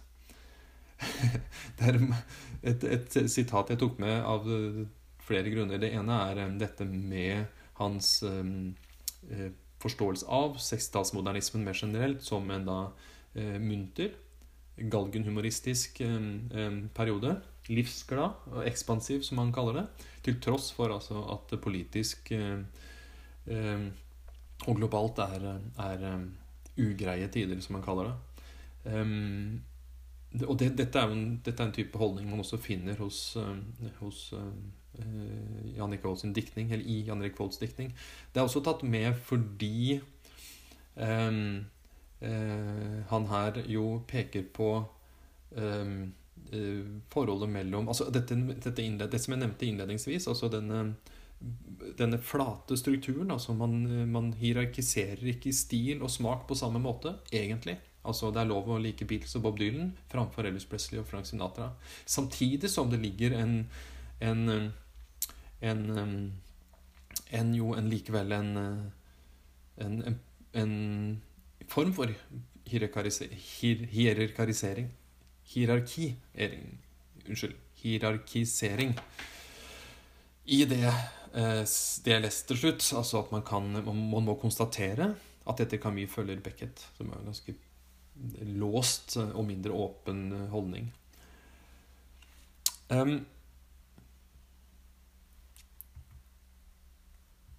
Jan Erik Vold um, er jo, som dere alle sammen vet, tror jeg, poet. uh, kritiker har vært kritiker. Han er ikke så aktiv som kritiker lenger, men han er fortsatt uh, veldig aktiv som essayist, samfunnsdebattant, formidler av lyrikk, og, um, og han også virket som oversetter og oversatt um, viktige og betydningsfulle verk til norsk. De siste årene så har han i stor grad, eller hele sin karriere, men, men, men den har han vært formidler av norsk litteratur og, og lyrikk.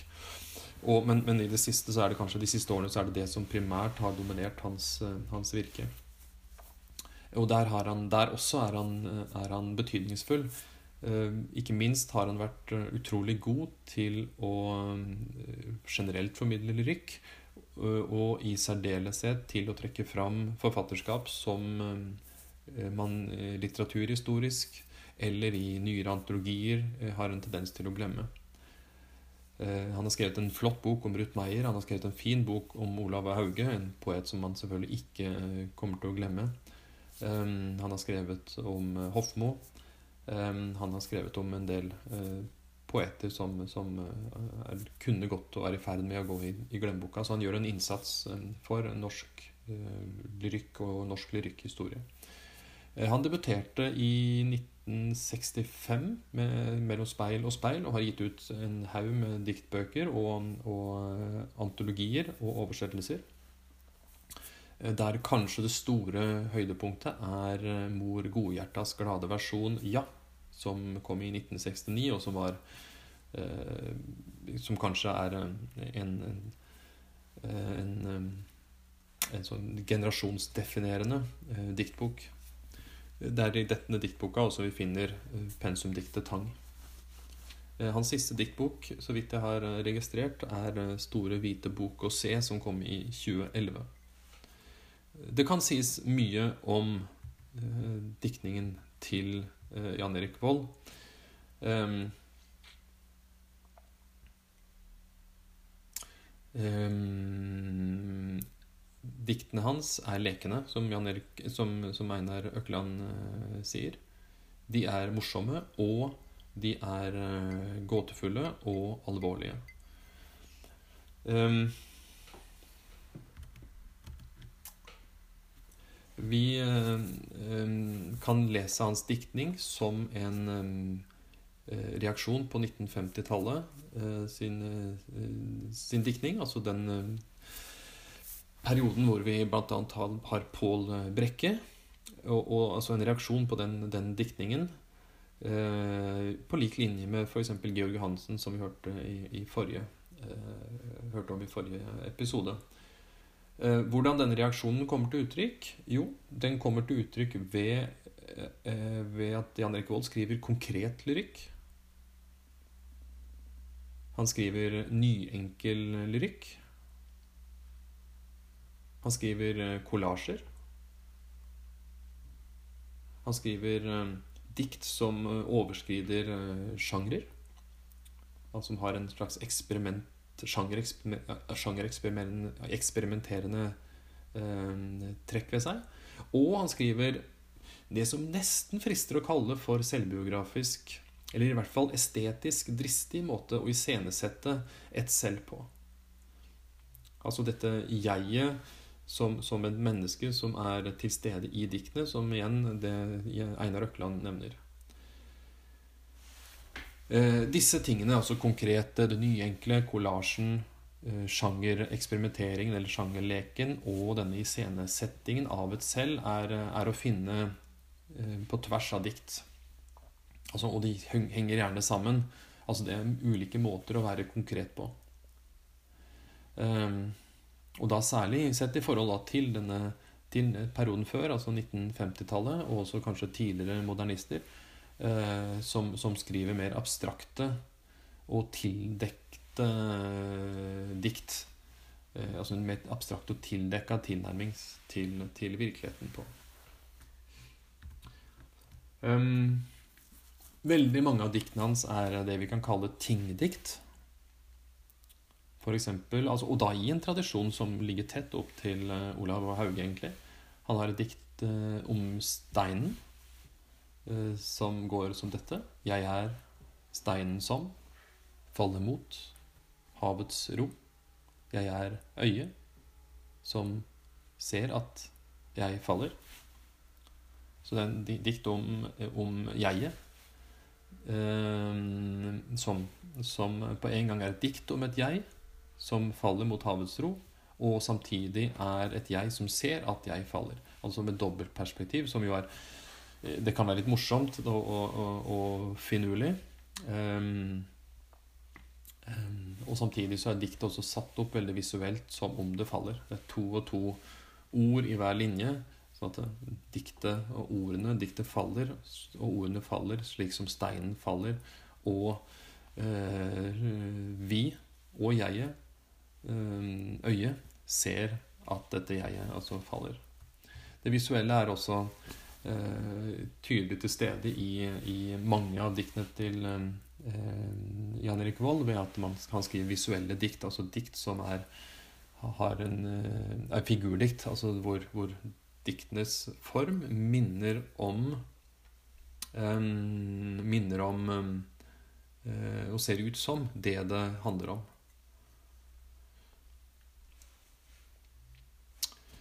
Jeg skal lage en powerpoint til denne podkasten. Der skal jeg vise et eksempel på, på sånne uh, figurdikt også. Um, det mest kjente diktet til eh, Jan Erik Vold, kanskje, er eh, i hvert fall det som han sånn allment er kjent for. Det er dette kulturukediktet. Kulturuke, ulturkuke, tullkuruke, ultkuruke osv. Eh, som jo er et eh, slags kaotisk systemdikt i form av at det er eh, noen bestemte bokstaver som kombineres x antall ganger. Um, um, det er et figurdikt fordi det jo danner en, en ganske klar um, rektangel. Eller kanskje til og med en skulptur. og det er samtidig meningsfylt i betydningen at Eller denne leken, menings, tilsynelatende meningsløse leken av, ved, ved å stokke om på ord, er, er å spille på ordet, det første ordet i, i i diktet kulturuke. Vi leker med noe som er høyt kulturuke. Eh, og så er det veldig lydelig, som er et kjennetrekk ved Jan Erik Volds diktning. Altså at han, han skriver uh, prosodisk. Prosodiske dikt, kan vi skrive. Um, det gjør at mange av diktene hans uh, framstår som upersonlige i et dikt som 'Kulturuke' så, så, er det ikke noen jeg, og det, det, er et dikt som egentlig kunne vært sagt av eller lest opp av hvem som helst, selv om det er ganske minneverdig når Jan Erik Vold har lest det. Eh, men det er noe upersonlig over den stilen til, til eh, Jan Erik Vold, og noe egentlig litt mekanisk, som om man forsøker å ta vekk dette jeget. Um, I et dikt som heter 'Blikket', så, det, så, så finner man en, et 32, eh, 32 siders eh, langt dikt som varierer med kombinasjoner av ordene 'blikket', 'du', 'fanger', 'ikke' og 'meg'. Altså de fem ordene.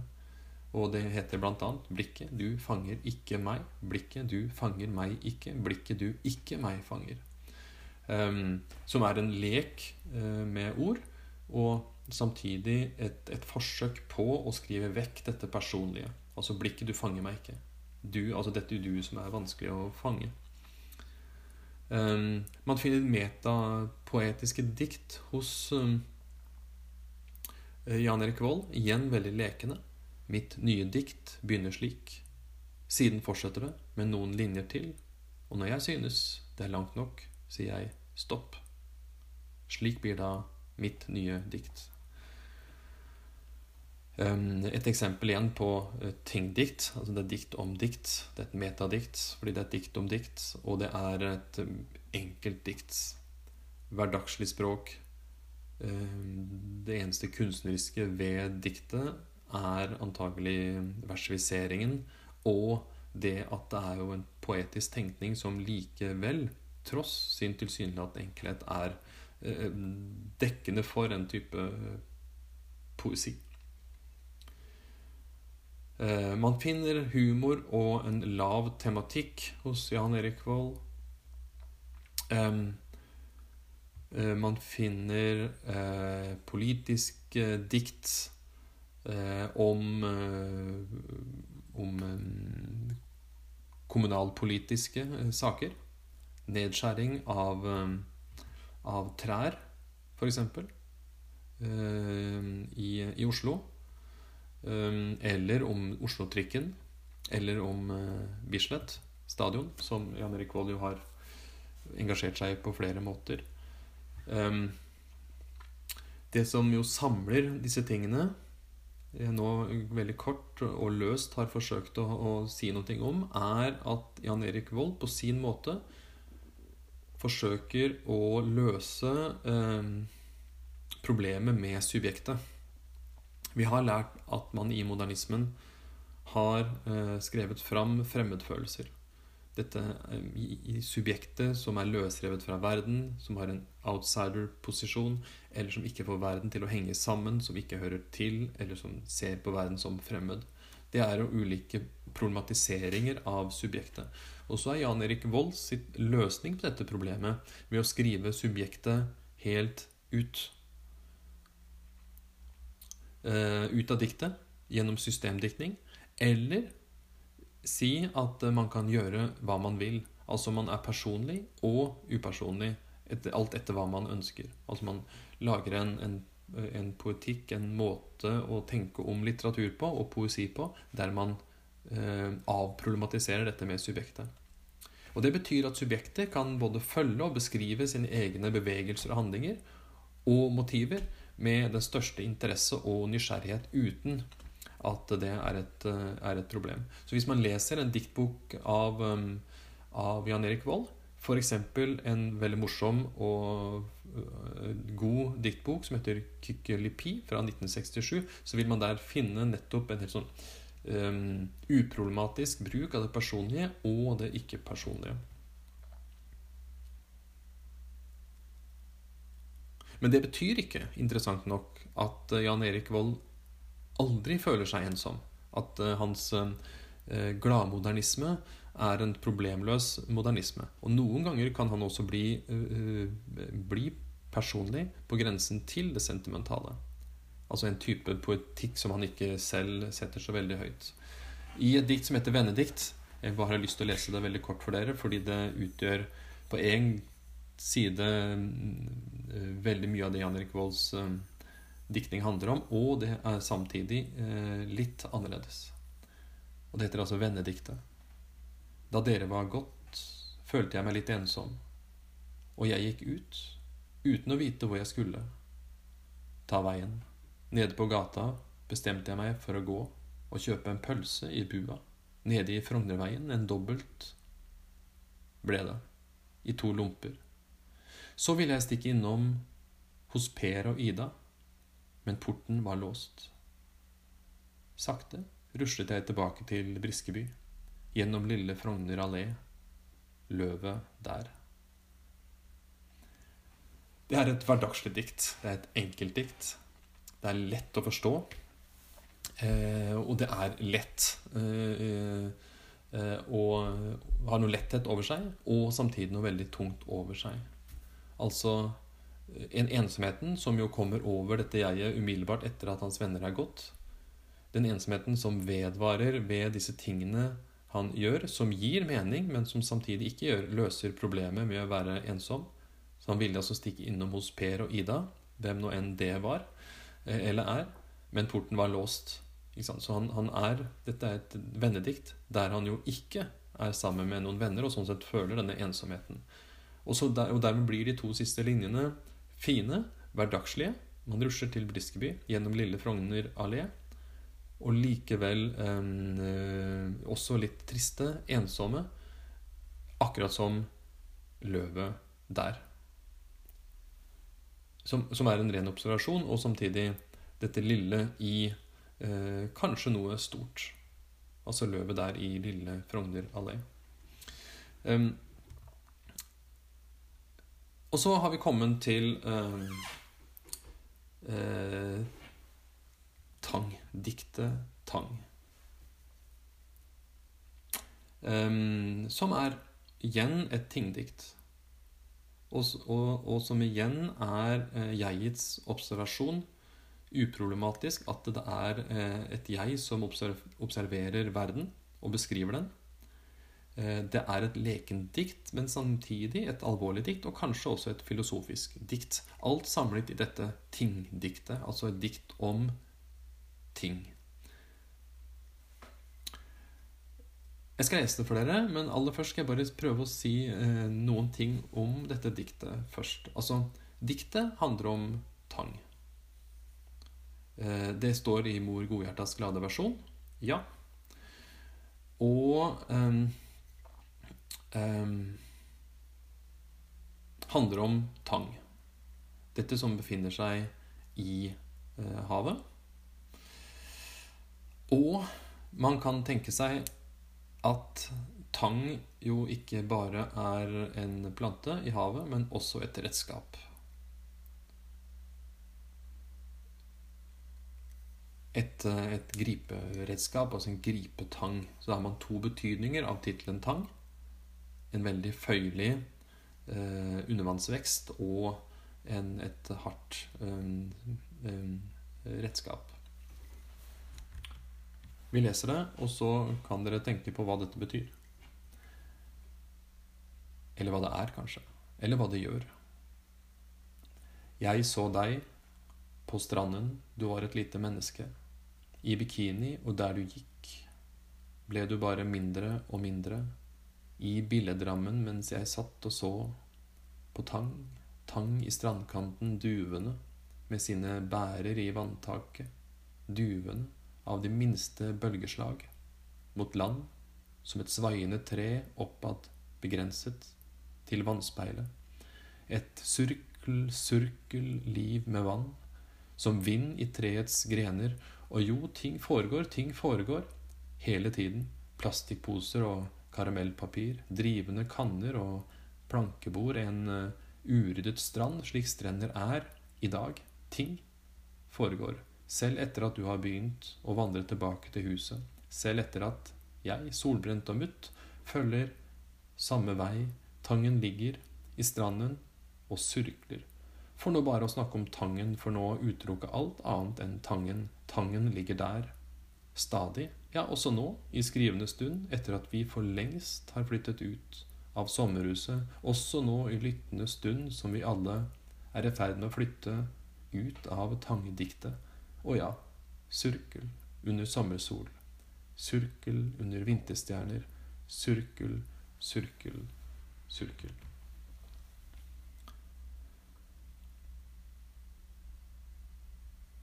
Det er et visuelt dikt. Det er et lydlig dikt. Det er et dikt om tang. Et tingdikt. Og det er et dikt om livet. Om det forgjengelige. Jeg så deg på stranden. Du var et lite menneske. Og der du gikk, ble du bare mindre og mindre. Det er en forgjengelighet både i bruk av tempusform Han hadde, Altså jeget som ser deg, eller har sett eh, Du som var et lite menneske og ble mindre og mindre i billedrammen. Eh, og den forgjengeligheten, tiden går, som altså kontrasteres med det evige. At, at tangen ligger der fortsatt ja, også nå, i skrivende stund, og også i lesende stund, kan du legge til, etter at vi for lengst har flyttet ut, og etter at um, Etter at vi alle, også dere og meg, er i ferd med å flytte ut av dette tangdiktet, så er, ligger tangen der fortsatt. Og ja, hva gjør den? Den surkler. Den surkler under sommersola, og den surkler under vinterstjerna. Den surkler, surkler og surkler. Um, så det, en, eh, det, vesentlige her er det forgjengelige mot det, eh, det varige, eller det evige, det sirkulære. Det gjentagende. Surkel, surkel, surkel. Så det er en retning bort. Lineært. Bort. Du som forsvinner ut av billedramma, og jeget som etter hvert vil følge etter. Og det er noe sirkulært og evig i tangen og i lyden av tangen også etter at jeget har altså forlatt stranda. Og til slutt så er det selvfølgelig en morsom metapoetisk en kommentar. Altså etter at vi alle har flyttet ut av tingdiktet. Diktet er i ferd med å gå mot slutten, og det forteller eh, Jan Erik Vollås i dette diktet. Så det er altså et dikt om det forgjengelige og om livets gåtefulle faktum. faktum unnskyld. Altså et tingdikt som er overfladisk, og dypt på samme tid. Det er et hverdagslig dikt og et filosofisk dikt. Eh, diktet, Dette er Jan Erik Volds måte å tematisere evigheten på. Eh, en tematikk som også tangerer den vi finner hos um, Stein Meren.